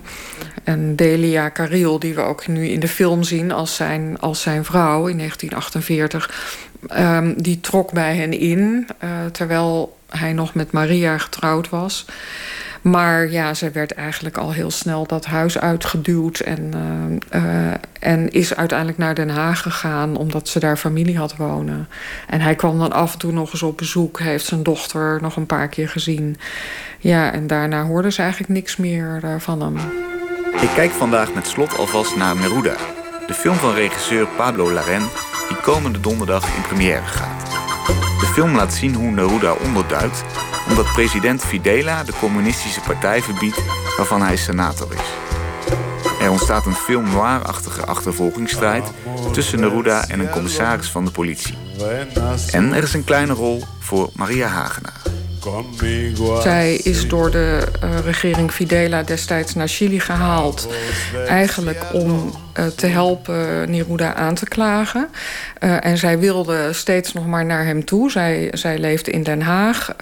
en hij wilde niks meer van haar weten. En zij heeft de hele oorlog, want zij was hier onder de Duitse bezetting met hun dochtertje, uh, probeerde zij hier weg te komen. En hij heeft dat actief geblokkeerd. En uh, na de oorlog, uh, toen hun dochtertje ook al was overleden, heeft ze dus dat aanbod gekregen van de Chileense regering: van kom maar, als je dan ons daarmee helpt. Nou, dat heeft ze gedaan. Dat is natuurlijk een beetje een soort 30 zilverlingen verhaal. Hè, dus het was een uitnodiging om hem te gaan verraden. Maar dat heeft ze uiteindelijk niet echt gedaan. Dus ik ben benieuwd hoe ze, hoe ze wordt neergezet. Empezar una persecución fabulosa. Con ustedes, el poeta Pablo Neruda. Puedo escribir los versos más tristes. Hij heeft een soort vreselijk slechte komen-over in de film. Met een soort gel lijkt het er helemaal zo opgeplakt te zijn. Eh, dat hij nog zo'n lok heeft. Het is niet zo'n aangename man om naar te kijken, deze acteur. Terwijl Neruda dat wel veel meer was. Als de film af is, ben ik benieuwd of Slot hem goed vond. Ja, het is een soort postmoderne film noir. En uh, ik vond hem niet heel erg spannend. En wat, wat wel een beetje curieus is, vind ik aan de manier waarop dit verhaal is opgezet. Dat het natuurlijk eigenlijk over een hele gruwelijke episode gaat uit de Chileense geschiedenis. Maar door de opzet van het verhaal wordt het eigenlijk ook heel mooi gemaakt. Het lijkt haast een soort liefdesverhaal tussen over de achtervolger en de achtervolgde. Terwijl ja, daar natuurlijk ook hele verschrikkelijke dingen zijn gebeurd. En ook de rol van Maria is wat gefictionaliseerd. Ze lijkt eerst daar naartoe te komen nou ja, om mee te werken met de Chileense regering en hem een bigamist te noemen. Dus iemand die twee, met twee vrouwen tegelijk gehuwd was. Nou, dat klopte ergens ook, omdat hij zich wel van haar had laten scheiden zonder dat zij dat wist. Maar um, ja, dat was niet een, per se een geldige scheiding. Maar wat we in de film zien is dat zij in een radioprogramma dan opeens uh, toch zegt: uh, het was een fantastische man en uh, hem niet verraadt. Er zijn volgens mij echt een soort onderhandelingen geweest, want zij wilde ook graag wat geld hebben. Want hij had haar op een verschrikkelijke manier laten zitten met, met hun dochtertje ook. Zij heeft geld gekregen van hem uh, en ja, is een beetje afgekocht, zou je kunnen zeggen. Concluderend vindt Slot dat de film een interessante structuur heeft, maar geen nieuw licht laat schijnen op Neruda. Laat staan op Maria, die sowieso als persoon in de geschiedschrijving van de dichter opvallend onderbelicht blijft. Ook nu nog is het vreemd genoeg in Chili, lijkt het nog steeds een pijnlijk onderwerp te zijn. Dus het lijkt nog steeds zo te zijn dat mensen deze geschiedenis in dit stukje van zijn leven eigenlijk heel onaangenaam vinden uh, om mee geconfronteerd te worden. Dus het is nog steeds niet dat zij ruimhartig is opgenomen in zijn levensverhaal. En ik heb natuurlijk ook gehoord dat mensen die mijn boek gelezen hebben... een hekel aan Neruda uh, kregen door het lezen van, van dat verhaal. Bovendien ziet Slot dat hun relatie verre van gelijkwaardig was. Ja, zij was in mijn visie een vrouw die, die hem niet los kon laten...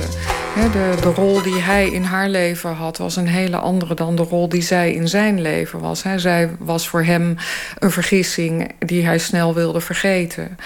Voor haar was hij, ja, de enige man in haar leven. Ze was met hem getrouwd toen ze dertig was. Uh, een oude vrijster uh, was dat toen al. Dus uh, ze had nog net kunnen trouwen. En zij heeft ongetwijfeld gedacht van... nou, ik heb die man nu en nu is dat voor de rest van mijn leven. Nou, dat bleek heel anders te lopen. En zij heeft hem gewoon niet kunnen loslaten. Zij heeft niet goed um, kunnen aanvaarden dat hij een dichter was met een, met een veel groter leven dan zij ooit zou, zou kunnen krijgen. Het treurige voor Maria is dat uh, Neruda nooit een gedicht over haar heeft geschreven. Als je dan toch met een dichter bent getrouwd, dan zou je denken dat je dan in ieder geval een paar gedichten uh, krijgt. Maar dat heeft hij niet gedaan. Hij heeft uh, één keer haar genoemd. Uh, maar dan uh, staat uh, haar naam naast de naam van zijn minares uit die tijd. Dus dat was natuurlijk ook al niet een, een hele prettige ervaring. en hij heeft één keer zich afgevraagd in een gedicht... waarom ben ik toch getrouwd in Batavia? Uh, met Maria dus. Dat is het enige wat zij, de enige plek die zij heeft gekregen in zijn poëzie. Maar er is dit gedicht, De Ongelukkige. En ja, dat zou zomaar over haar kunnen gaan. Bij de deur liet ik haar wachten en ik ging weg, voorgoed. Ze wist niet dat ik niet terug zou komen. Een hond liep langs, een non liep langs. Een week en een jaar gingen voorbij. De regen wiste mijn sporen uit. Gras groeide in de straten. En het ene jaar na het andere, als stenen, als langzame stenen, daalde neer op haar hoofd. Toen kwam de oorlog als een vulkaan van bloed. Kinderen stierven en huizen. En die ene vrouw stierf niet. De grasvlakte kwam in brand te staan. De zachtaardige gele goden die duizend jaar hadden gemijmerd, werden uit de tempel verjaagd, gebroken. Doorgaan met dromen kon niet. De koele huizen, de veranda waar ik in een hangmat sliep, de roze planten, de bladeren als grote handen, de schoorstenen, de houten toetsen, alle werden zij verpletterd en verbrand. En waar de stad was geweest, waren alleen nog verkoolde dingen, verwrongen ijzer, dode beelden als helse rijders, een zwarte vlek van bloed en de wachtende vrouw.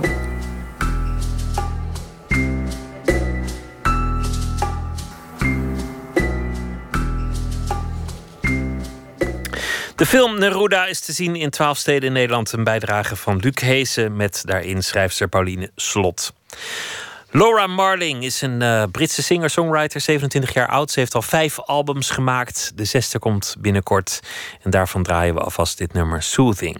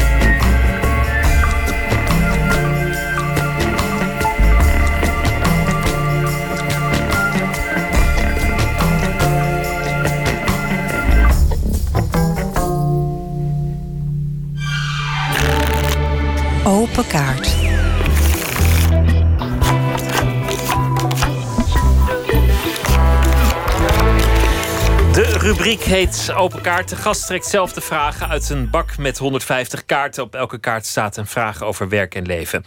Sarah Sluimer is de gast. Zij is journalist voor onder meer de Volkskrant en de Correspondent. Ze is ook programmamaker voor Paradiso in Amsterdam. Afgelopen jaar schreef zij samen met uh, haar geliefde Willem Bos een wekelijkse column voor het tijdschrift L over hun zoon Esra. Met uh, de titel Ontaarde ouders. Althans, zo heet de bundel van deze verhalen.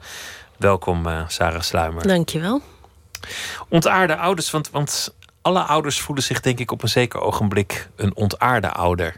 Ja. Hoe goed je het ook doet, dat gevoel komt toch af en toe op wat doe ik mijn kind eigenlijk aan? Ja, ja dat is misschien wel zo. Uh, ja, dat is dan het welbekende schuldgevoel. Um, maar de titel is in deze zin nu zo bedoeld dat we het eerder hebben over wel bewust ontaard zijn af en toe. Dus jezelf juist bevrijden zo nu en dan van dat schuldgevoel en uh, uh, vooral je leven niet volledig inrichten uh, op dat kind. Dus het is meer een geuzennaam dan dat we het hebben over het feit dat je denkt dat je tekort schiet of dat je dingen niet goed doet. Willem en jij werden, werden razendsnel verliefd. Jullie ontmoetten elkaar en het was, uh, was meteen raak. En yes. al vrij snel kwam ook uh, de gedachte op... we gaan samen een kind op, op de wereld zetten. Ja, ja. Uh, nou laat ik het zo zeggen. Ja, ik weet niet of die column nou uiteindelijk het boek heeft gehaald, maar we waren in Gent met z'n tweeën uh, en we zaten en eigenlijk was die het de schuld erin, ja, van de Gentse ober uh, die te laat kwam met onze steak of entrecote die we hadden besteld en waardoor we nog een glas wijn kregen en nog één van het huis.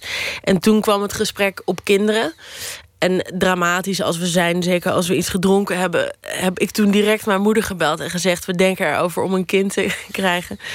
Uh, de dag daarop dachten we, nou, dat was eigenlijk wel lachen. Laten we eens, nou ja, een keertje proberen. En toen was het eigenlijk direct raak. Dus het was, het, het, zoals alles bij ons stormachtig verloopt, ging dit ook uh, echt in rap tempo. Uh, voltrok zich dit hele verhaal. En uh, kregen we opeens een kind. Waar we heel blij mee waren. Maar we schrokken ons ook natuurlijk. Ja, daar mag je ook best realistisch over zijn. Een beetje kapot. jullie, jullie zeggen dan tegen elkaar: oké, okay, we zijn wel ouders, maar we gaan, uh, we gaan niet het centrum uit. We gaan niet in een veilige nee. wijk met uh, verkeersdrempels wonen. Nee. En we worden ook niet te stel dat alles opgeeft uh, voor de kleine. Ja. Alle dromen blijven intact en het leven dat we hebben blijft intact. Onder meer. Zullen jullie elke week uitgaan? Ja. Niet meer elke avond zoals daarvoor, maar oké, okay, elke week moet ja. toch wel lukken. Ja, elke week een keer uit. Doen we nog steeds. Heel consequent. Um, en daarnaast denk ik dat er nog steeds wel twee avonden zijn waarop we dan ook iets te veel drinken dan verstandig is. Maar dat doen we dan meestal thuis. We hebben onze baby inmiddels wel aangeleerd dat hij mee de kroeg in kan. Uh, we zijn er drie maanden op Curaçao geweest en daar namen we hem altijd met. Dan zat je ook buiten, dus dat was heel leuk voor, voor die baby. En we hebben daar uh, Barry Hay en zijn vrouw ontmoet. En die, eigenlijk was zij het vooral, die zei: Jullie moeten nog iets meer rock and roll zijn. Die baby moet je gewoon altijd meenemen. En als het laat is, dan slaapt hij wel ergens in een hoek. En uh, dit is toch wat je wilde, doe het dan ook. Dus we hadden haar ook een beetje nodig. Want af en toe dachten wij nog wel, weet je wel, rond een uur of tien van ja, maar dat kind moet nu echt naar bed. En zij heeft ons over die laatste drempel geholpen. Waardoor we dus nu een heel goed getraind kroegkind hebben. Die uh, ook nu bij ons in die kou dik ingepakt in zijn, in zijn uh, wagentje zit. En uh, met wie we nog steeds wat kunnen drinken. We maken het natuurlijk niet al te dol. We zitten niet tot één uur s'nachts met hem. Uh, maar uh, ja, uh, we vinden dat wel heel belangrijk. Dat is gewoon het fundament van onze relatie. En, en we hebben mazzel dat, dat die baby het ook heel fijn vindt. En, uh, ik denk dat het vroeger meer zo was dat de volwassenen het leven bepaalden en de kinderen zich moesten schikken. En ik ja. denk dat tegenwoordig het vaak zo is dat de kinderen het leven bepalen en de volwassenen Ja. zich schikken. En nou ja, daar kan je over discussiëren. Maar de eerste keer dat jullie uitgaan, belt meteen de oppas op en zegt: Ik heb de gekolfde melk per ongeluk door de gootsteen Ja. gespoeld. ja. Ja, en dat uh, veroorzaakte direct hele grote paniek. Um, want hoe ontzettend stoer we daar ook onze eerste sigaret na mijn zwangerschap stonden te roken. En net iets te veel dronken op het moment dat zeg maar, het fundament van je baby, de melk, uh, door de gootsteen verdwijnt. Ja, toen stak toch behoorlijke angst en schuldgevoel de kop op. wat daaruit volgde was een soort dollemansrit door Amsterdam op zoek naar poedermelk in allerlei nachtwinkels. Tot ik op een gegeven moment zo'n beetje door de nevel me realiseerde van... oh ja, nee, ik heb thuis heb ik nog ergens poedermelk liggen. Dus oké, de day was saved en de baby kreeg zijn melk. Um, maar dat was inderdaad uh, ja, misschien een beginnersfout. En, en, en het leuke was ook wel dat we op die avond allemaal andere jonge ouders tegenkwamen die op een terras zaten, die ook allemaal heel erg actief gingen meezoeken naar die melk. Die mensen gingen bellen, vrienden van heb jij thuis nog wat staan? Of uh, uh, nee, je moet het bij die nachtwinkel proberen. Dus het werd een soort gemeenschappelijk project. Waardoor ik me ook realiseerde, er zijn ontzettend veel ouders op dit moment ook in de stad. Die, op die, vrijdagavond. Ja. erop uitgaan. Ja. Jullie schreven om de week een stuk. Of, of om, om, het, om het nummer van, van, de, van de L. Dan heb je het over je huiselijke bezonjes. Jullie sparen jezelf niet. Jullie benoemen ook de, de moeilijke momenten, de, de donkere kanten van het ouderschap. Hebben jullie elkaar ook af en toe moeten censureren? Heb je wel eens gezegd tegen je geliefde: Nou, moet je dat nou in die column zetten, joh? Ja, nou, de één keer, maar dat is wel in die column gekomen. En toen zei ik daarna van dat vond ik eigenlijk niet zo leuk. Dat was Willem, die had iets geschreven over die uh, bevalling. En dat hij zei, dat vond ik een dat hij het een underwhelming experience vond. Als in van, weet je er wordt altijd vreselijk heilig over gedaan. Maar het is gewoon iets wat gebeurt. Het is helemaal niet raar. Het is, uh, en hij zei, ik had eigenlijk wat er gebeurde. Hij kreeg dat kind in zijn armen en hij dacht... Het enige wat hij dacht was, oké, niemand gaat het kind nu nog meer van me overnemen. Dit is mijn kind, dit is mijn leven nu. En niet een soort van mijn zoon. En, dat klopt ook heel erg. Maar ik vond toen hij dat zo had opgeschreven... dat ik daarna... Uh, dacht van, ja nee, maar wacht even, nu, nu zit je aan mijn ervaring of zo. Dit, is, dit vind ik lastig, want ik heb dat toch iets anders beleefd. En ik vond het, denk ik, toch wel een van de meest bijzondere dagen van mijn leven. Dus daar heb ik toen iets over gezegd. Toen zei hij van, ja, dat had je dan eerder moeten zeggen. Toen zei ik, dat klopt, maar ik realiseer me nu pas. Nou, en uiteindelijk uh, uh, heeft hij het in een andere column nog recht gezet zelfs. Dus dat is ook nog eens heel braaf. Hij heeft een column geschreven over de grootste fouten die je maakt in je eerste jaar. Daar stond dat dan ook. Had hij. Dus het is uiteindelijk. Nee, we hebben, nee, we hebben het wel elke week van elkaar gelezen. Voordat het opgestuurd werd. En. Uh, Nee, ik ben in principe, als ik er nu over nadenk, nooit iets tegengekomen. En ook omdat ik wel dacht, schrijf maar op, weet je, ik, ik ben niet... Uh, maar ook jullie ruzies komen erin, de momenten van wanhoop, elkaars uh, tekortkomingen en uh, miscommunicaties. Jouw, jouw grote droom was en, en, is misschien nog steeds om ooit naar Parijs te emigreren. Je, je, je houdt van die stad. Ja. Jullie zijn wel drie maanden naar, naar de eilanden gegaan, maar Parijs is het tot nu toe nog niet geworden. We hadden al een huis in Parijs, dus eh, alles stond in de startblokken om daarheen te gaan. En toen uh, zijn we, omdat we natuurlijk toch ook een beetje brave mensen, uiteindelijk brave binkies zijn, uh, werden we een beetje bang. omdat we dachten, het huis waar we zaten, daar was echt een Bataclan zat daarnaast. Die andere aanslagen slagen die gebeurd waren op de, wat was het, de 18e volgens mij. We waren echt in een straal van 100 meter daaromheen, wat niet zoveel zegt. Maar toch, um, we zaten te bedenken, ga je s'morgens in de metro met je kind zitten? Ga je op grote open pleinen zitten? Ga je naar toeristische attracties? En toen dachten we eigenlijk bij alles, ja, ja ik weet niet, ik weet niet. Toen dachten we, willen we onszelf die beperking nu opleggen met dat kind, niet zo wendbaar weet je wel, in een wagentje. Dat je, um, ja, heel dramatisch. Stel je voor, hoe hard kan je rennen met zo'n kind? En toen merkten we toch na echt wekenlang wikken en wegen van laten we iets, iets uh, doen waarin we wat vrijer zijn, waarin we ons niet over dat soort dingen zorgen hoeven te maken. Dus zijn we naar Curaçao gegaan waar we Hurricane Matthew over ons heen kregen, allebei Zika hebben gekregen, een stroomstoring van een dag hebben meegemaakt waardoor niks het meer deed op dat eiland en een overstroming in ons huis hebben gehad. Dus dat was dan tot zover uh, hoe, je het, uh, hoe je het noodlot kunt Precies. ontlopen. Het gedicht van de tuinman en de dood ja. lijkt het. Ja lijkt het bijna. Laten we beginnen met de kaart. Ik wil je vragen om een, eh, een kaart te trekken en de vraag voor te lezen. Ja, ik pak gewoon de eerste. Wanneer verloor je je onschuld? Oké. Uh, ik denk uh, dat ik mijn onschuld verloor Ja, nee, maar nu wil ik gelijk ontzettend... Oké, ik ga het gewoon antwoorden.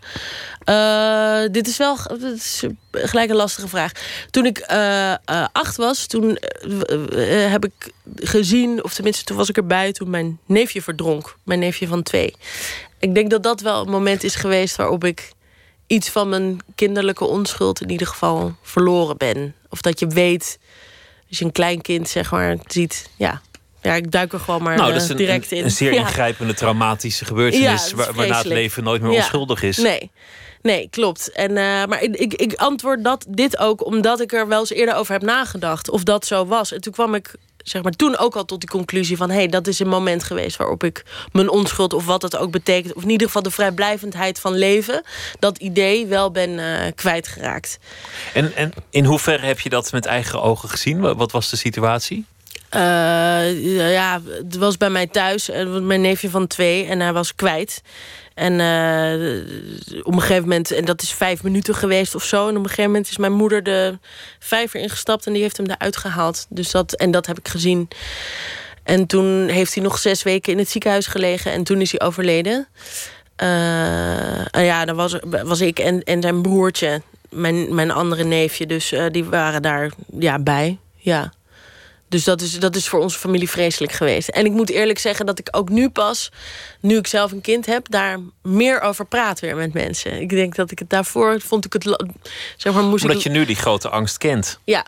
ja. Nu, nu weet je hoe angstaanjagend dat beeld ja. is. Ja, zeker. En ik moet ook zeggen dat ik met mijn eigen zoon, als je het hebt over doodsangst, ben, ben ik daar wel. Uh, ik ben niet overbeschermend naar hem, want dat wil ik juist ook niet zijn. Maar ik, uh, ik denk er wel over na. Ik ben er wel. Uh, dat is ja. denk ik ook consequentie van een kind krijgen. Je bent voortaan ja. kwetsbaar. Ja, klopt. Dat is volledig zo. Dus in die zin raak je voor de tweede keer je onschuld kwijt. Als je dat kind krijgt. Ja. Zullen we nog een kaart ja, uh, laten we dat doen. Iets vrolijkers. Vind je dat je genoeg verdient? Nee. Als in geld? Of uh, nee, dat mag ja, ik zelf ja, weten. Geld. geld. Ja. Nee. Nee, ja, jij zei ook dat ik programmamaker bij Paradiso uh, was. Dat, uh, of ben, dat was ik. En ik ben daar gestopt omdat ik eigenlijk nu volledig wil gaan schrijven. Dus daar ben ik nu mee bezig. En ik werk bij de correspondent en ik doe freelance klussen. Maar ik ben eigenlijk pas in juli heb ik dat opgestart. Dus uh, van, ik heb hiervoor bij de Bali ook gewerkt als programmamaker van een vaste baan. Uh, ben ik dat nu allemaal in de stijgers aan het zetten. Dus nee, ik vind dat ik nog niet goed genoeg verdien. Nee. Toch, jullie doen, jullie doen wel alles. Dat vind ik dan wel weer bewonderenswaardig. Jullie hebben honderden ja. redenen om alles niet te doen, maar ja. jullie, jullie doen het wel gewoon. Maar Willem verdient genoeg. Dat is uh, een beetje de crux. Ja. Dat helpt. Ja. Dus tv-werk en zo, dat scheelt. Ik pak gewoon... Uh, welke collega is overschat? Ah, die is echt heel naar. Ja, dan moet je wel gewoon iemand noemen, vind ik. Ja, nee, ik ga ja, gewoon een naam nee, en een rugnummer. Een naam en een rugnummer. Uh, ja, ik heb hier altijd heel veel praatjes over. Dus waarom ik nu in één keer op slot uh, schiet. Een naam en een rugnummer. Een schrijverscollega zou dat dan moeten zijn? Of ja, inmiddels ben je schrijver, geloof ja, ik. Verdorie. Ja, een journalist. Um, uh, jeetje. Ah, dat vind ik echt een heel ingewikkelde. Uh, ik moet nu ook gewoon antwoorden. Um... Van wie zei je de laatste keer in het café dat hij overschat was? Ja, nou, daar heb je nog wel. Een, uh, daar heb ik altijd wel een lijstje. Waar ik dan nu natuurlijk gewoon echt niet opkom. Of mensen van wie ik denk dat kan ik gewoon echt niet maken om dat te zeggen. Um, laat ik een, laat ik een, uh, een, een journalist anders noemen. Uh, nee, god, oh, ik weet het echt niet. Het is echt heel erg. Uh, wat schande is dit. Uh, nou ja, oké. Okay. Ja, nee, ja, het is niet heel aardig. Maar dat is meer een collega feminist die ik een beetje overschat vind. En dat is, ja, ja ik vind het heel gemeen van mezelf. Maar waar ik, waar ik soms een beetje moeite mee. Nee, ik ga het gewoon echt niet zeggen. Ik vind het echt. Maar, nee. Oké, okay, oké. Okay, nee. Maar. maar... Nou ja, alsof je, alsof je dan Simone van Saarloos tegenkomt. Nee, niet Simone van Saarloos. Nou, die zou ik wel tegenkomen. Maar die vind ik niet overschat. Nee, okay. dat vind ik echt helemaal niet. Nee, nee, nee. Uh, ja, Hadjar Ben Miloud vind ik soms een beetje. Ik weet niet of jullie zij heeft die website Filijnen opgezet. En ik vind haar, ik, ik bewonder zeer wat zij doet. Alleen ik, ik vind dat een website over feminisme wel wat meer zou kunnen doen dan dat het nu doet, zeg maar. Ik, ik, ik had er meer van verwacht eigenlijk. En ik. Nou ja, goed. Ik nou, hoop- dat is nog hele milde kritiek. Dat moet Ja. ze kunnen hebben. Bovendien heeft ze dan, als ze het ooit hoort, gehoord hoezeer je erin werd eh, gelokt Dat door die, door die zo. vraag van die Ja. kaart en, en, Ja. de, en de interviewer Ja. die maar bleef Ik ga je vasthouden. straks mijn hele lijstje over schatten mensen vertellen. Sarah Sluimer, dank je wel. Het, Oh, dit eh, was het, het. het boek heet Ontaarde Ouders en is eh, geschreven samen met Willem Bos. Heel veel succes en plezier. Dankjewel. Dank je wel. Thanks. Het einde van het jaar komt eraan en de, de BBC is al bezig met 2017. Wie zijn de mensen die eh, het geluid van 2017 zullen bepalen? Ze hebben daar een eh, lijstje van gemaakt. Dat doen ze ieder jaar. Het is een eh, befaamde traditie. En één naam die erop staat is de Engelse soulzangeres Georgia Smith. Het nummer heet Something in the Way.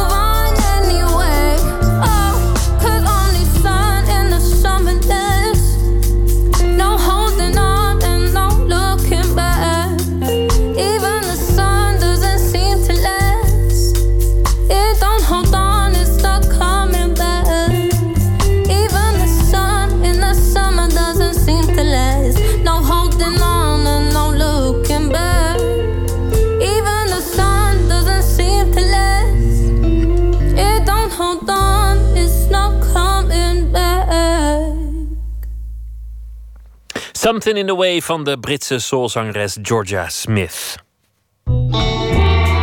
Nooit meer slapen.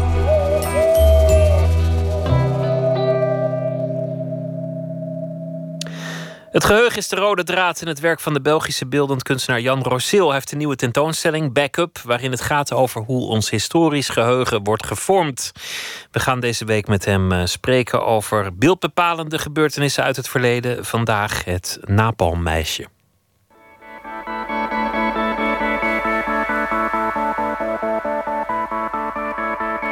Ja, dus het uh, napalmmeisje is een foto uh, genomen in uh, 62 door Nick Oet. je ziet een, een, straat in Vietnam vlak na een, een napalmbombardement. waarbij je in de achtergrond zie je een aantal ja, militairen en ook een, fotograaf die zijn filmrolletje wisselt. en op de voorgrond zie je vijf kinderen waarvan eentje heftig huilt en, en naakt is. En ja, zij staat eigenlijk symbool, dus, dus wordt dan het napalmmeisje genoemd, staat eigenlijk symbool voor een soort omwenteling ja, in die hele Vietnamoorlog. Omdat ja, je zou kunnen stellen dat dit een soort schoolvoorbeeld is van een iconisch beeld.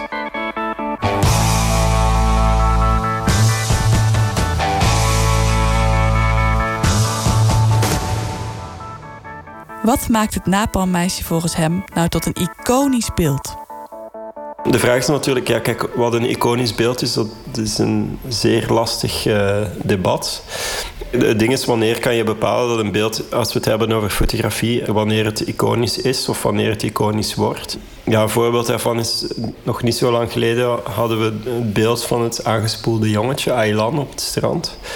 Waarbij mensen op Facebook meteen zeiden van ja, dit is een, uh, dit is een iconisch beeld, dit is het nieuwe napalmmeisje. Ik dacht oké, maar hoe, hoe kan je dat zo snel zeggen dat dit een iconisch beeld is? Is het een beeld dat, dat binnen dit en een aantal generaties nog zal rechtstaan? Uh, is het, zijn we daar niet veel te snel mee met, met te oordelen dat dit een iconisch beeld is?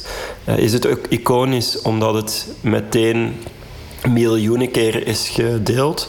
Of is een beeld iconisch omdat het um, ja, meer zegt dan, dan wat er dan gebeurt? Het zegt ook iets over, over de tijd en over het, uh, ja, al, alle andere dingen eromheen.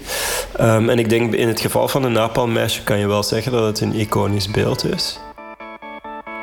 Ik denk omdat het een beeld is dat uh, ook ja, over generaties is heen gedragen. Um, en ik denk dat het ook iconisch is omdat het um, voor een soort van omwenteling heeft gezorgd. Net, net als dat je bijvoorbeeld, ja, je hebt uh, de brandende monnik in, in Saigon, de val van de Berlijnse muur in 89, hè, van die mensen die dan met hun handen in de lucht op de muur staan en uh, sloophamers die, die de muur afbreken. Dat zijn allemaal wel beelden die in je geheugen gegrift staan en die ook echt een historische omwenteling uh, representeren eigenlijk. Op de tentoonstelling is de foto van het napalmmeisje te zien in een tweeluik. Het ene beeld is de bekende uitsnede van het meisje zoals het in de jaren 60 de voorpagina's haalde van bijna alle kranten. Daarnaast dat wat overbleef van de foto na de uitsnede.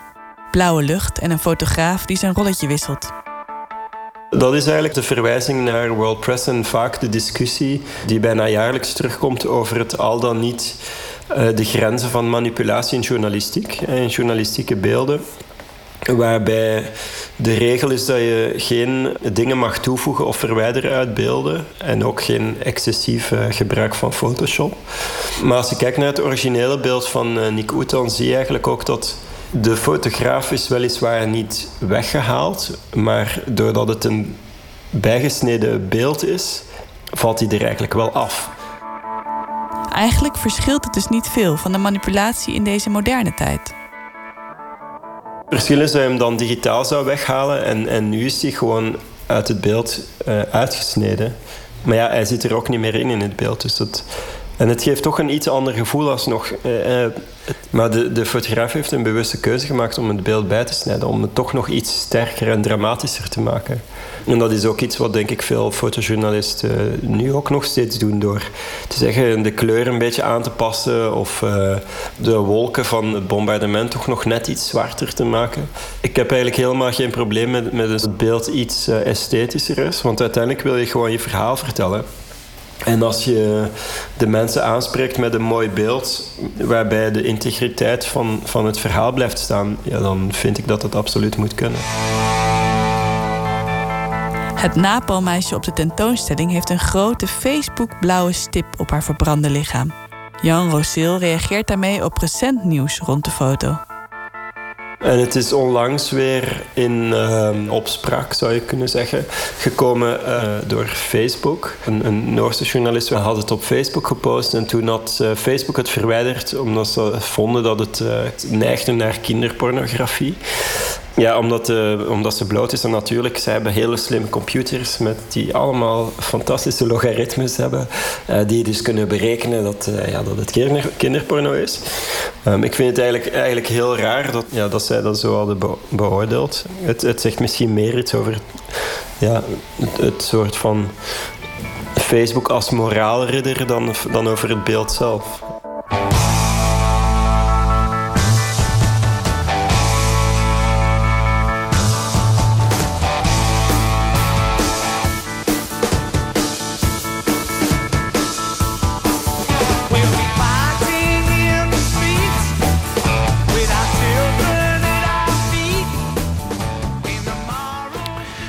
Kunstenaar Jan Rosil over de tentoonstelling Backup vanaf 10 december te zien in Amsterdam in de Brakke Grond. The Last Shadow Puppets, uh, de band van Alex Turner en Miles Kane. Ze hebben een nieuw mini-album. Daarop staan alleen maar stukken van anderen, onder meer Leonard Cohen. Het uh, titelnummer is echter wel gewoon van uh, henzelf. Dit is The Dream Synopsis.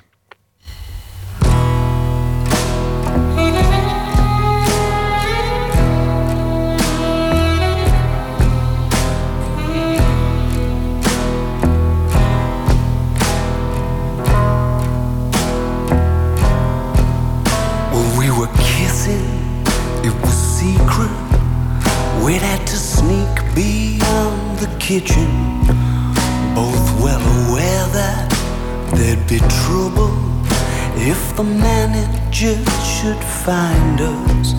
You'd gotta lean in tower of pine pots in your hand.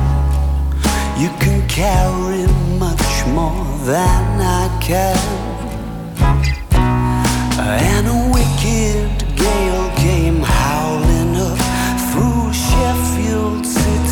center. There was palm tree debris everywhere and a Roman Colosseum. It must be boring when I talk about my dreams.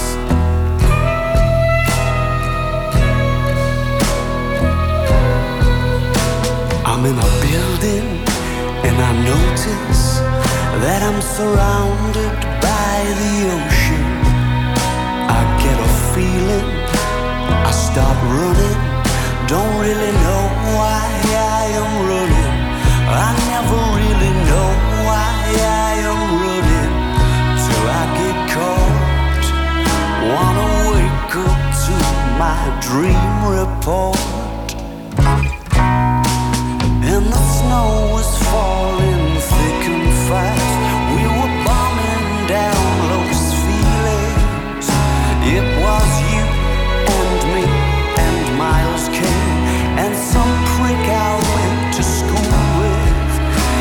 must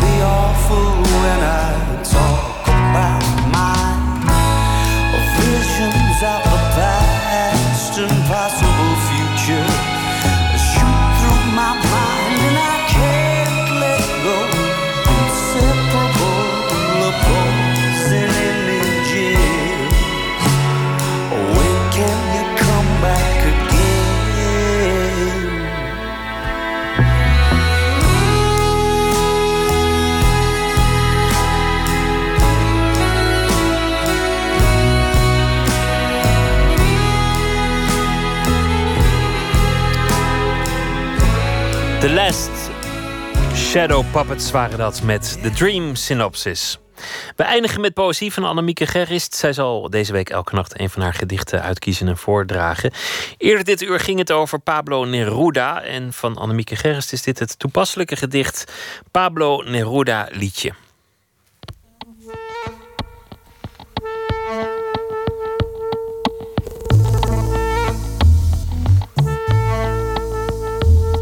Is de achtertuin volgroeid?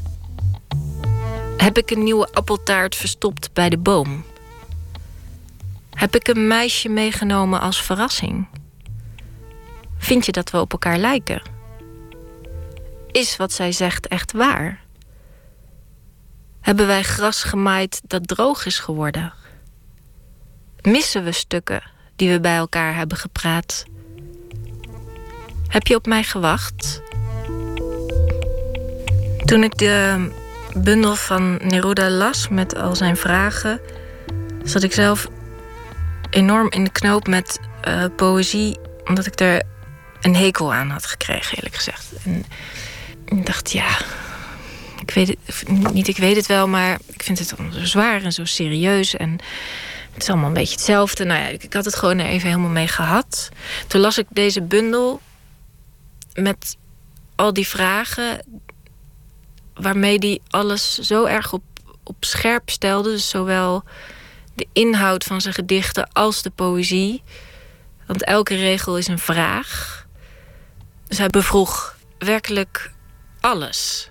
En op de een of andere manier gaf me dat weer lucht en licht om, om verder te gaan met mijn schrijven.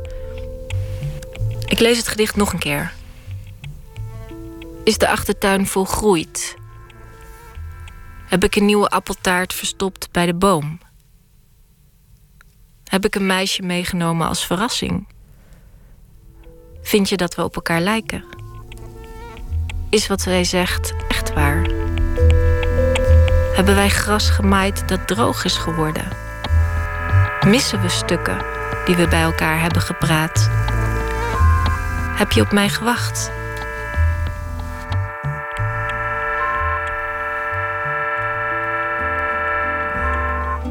Pablo Neruda, liedje van Annemieke Gerrist. En morgen zal ze weer een uh, gedicht voordragen. Morgen gaat het over opera in Nooit meer slapen. Miranda van Kralingen komt op bezoek. Ze neemt afscheid als artistiek leider van Opera Zuid. En vanwege dat afscheid zingt ze ook nog een aantal rollen. Onder meer in uh, Le Nozze di Figaro, de rol van Marcelina. Dat uh, morgen in Nooit meer slapen. Voor nu wens u een hele goede nacht. En morgen een vrolijke dag. En ik hoop dat u morgen weer luistert. Goeienacht.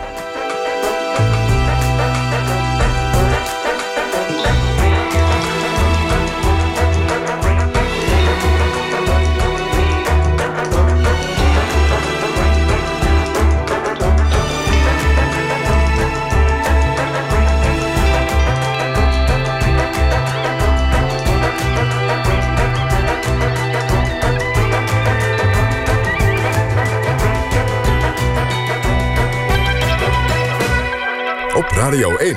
Het nieuws van alle kanten.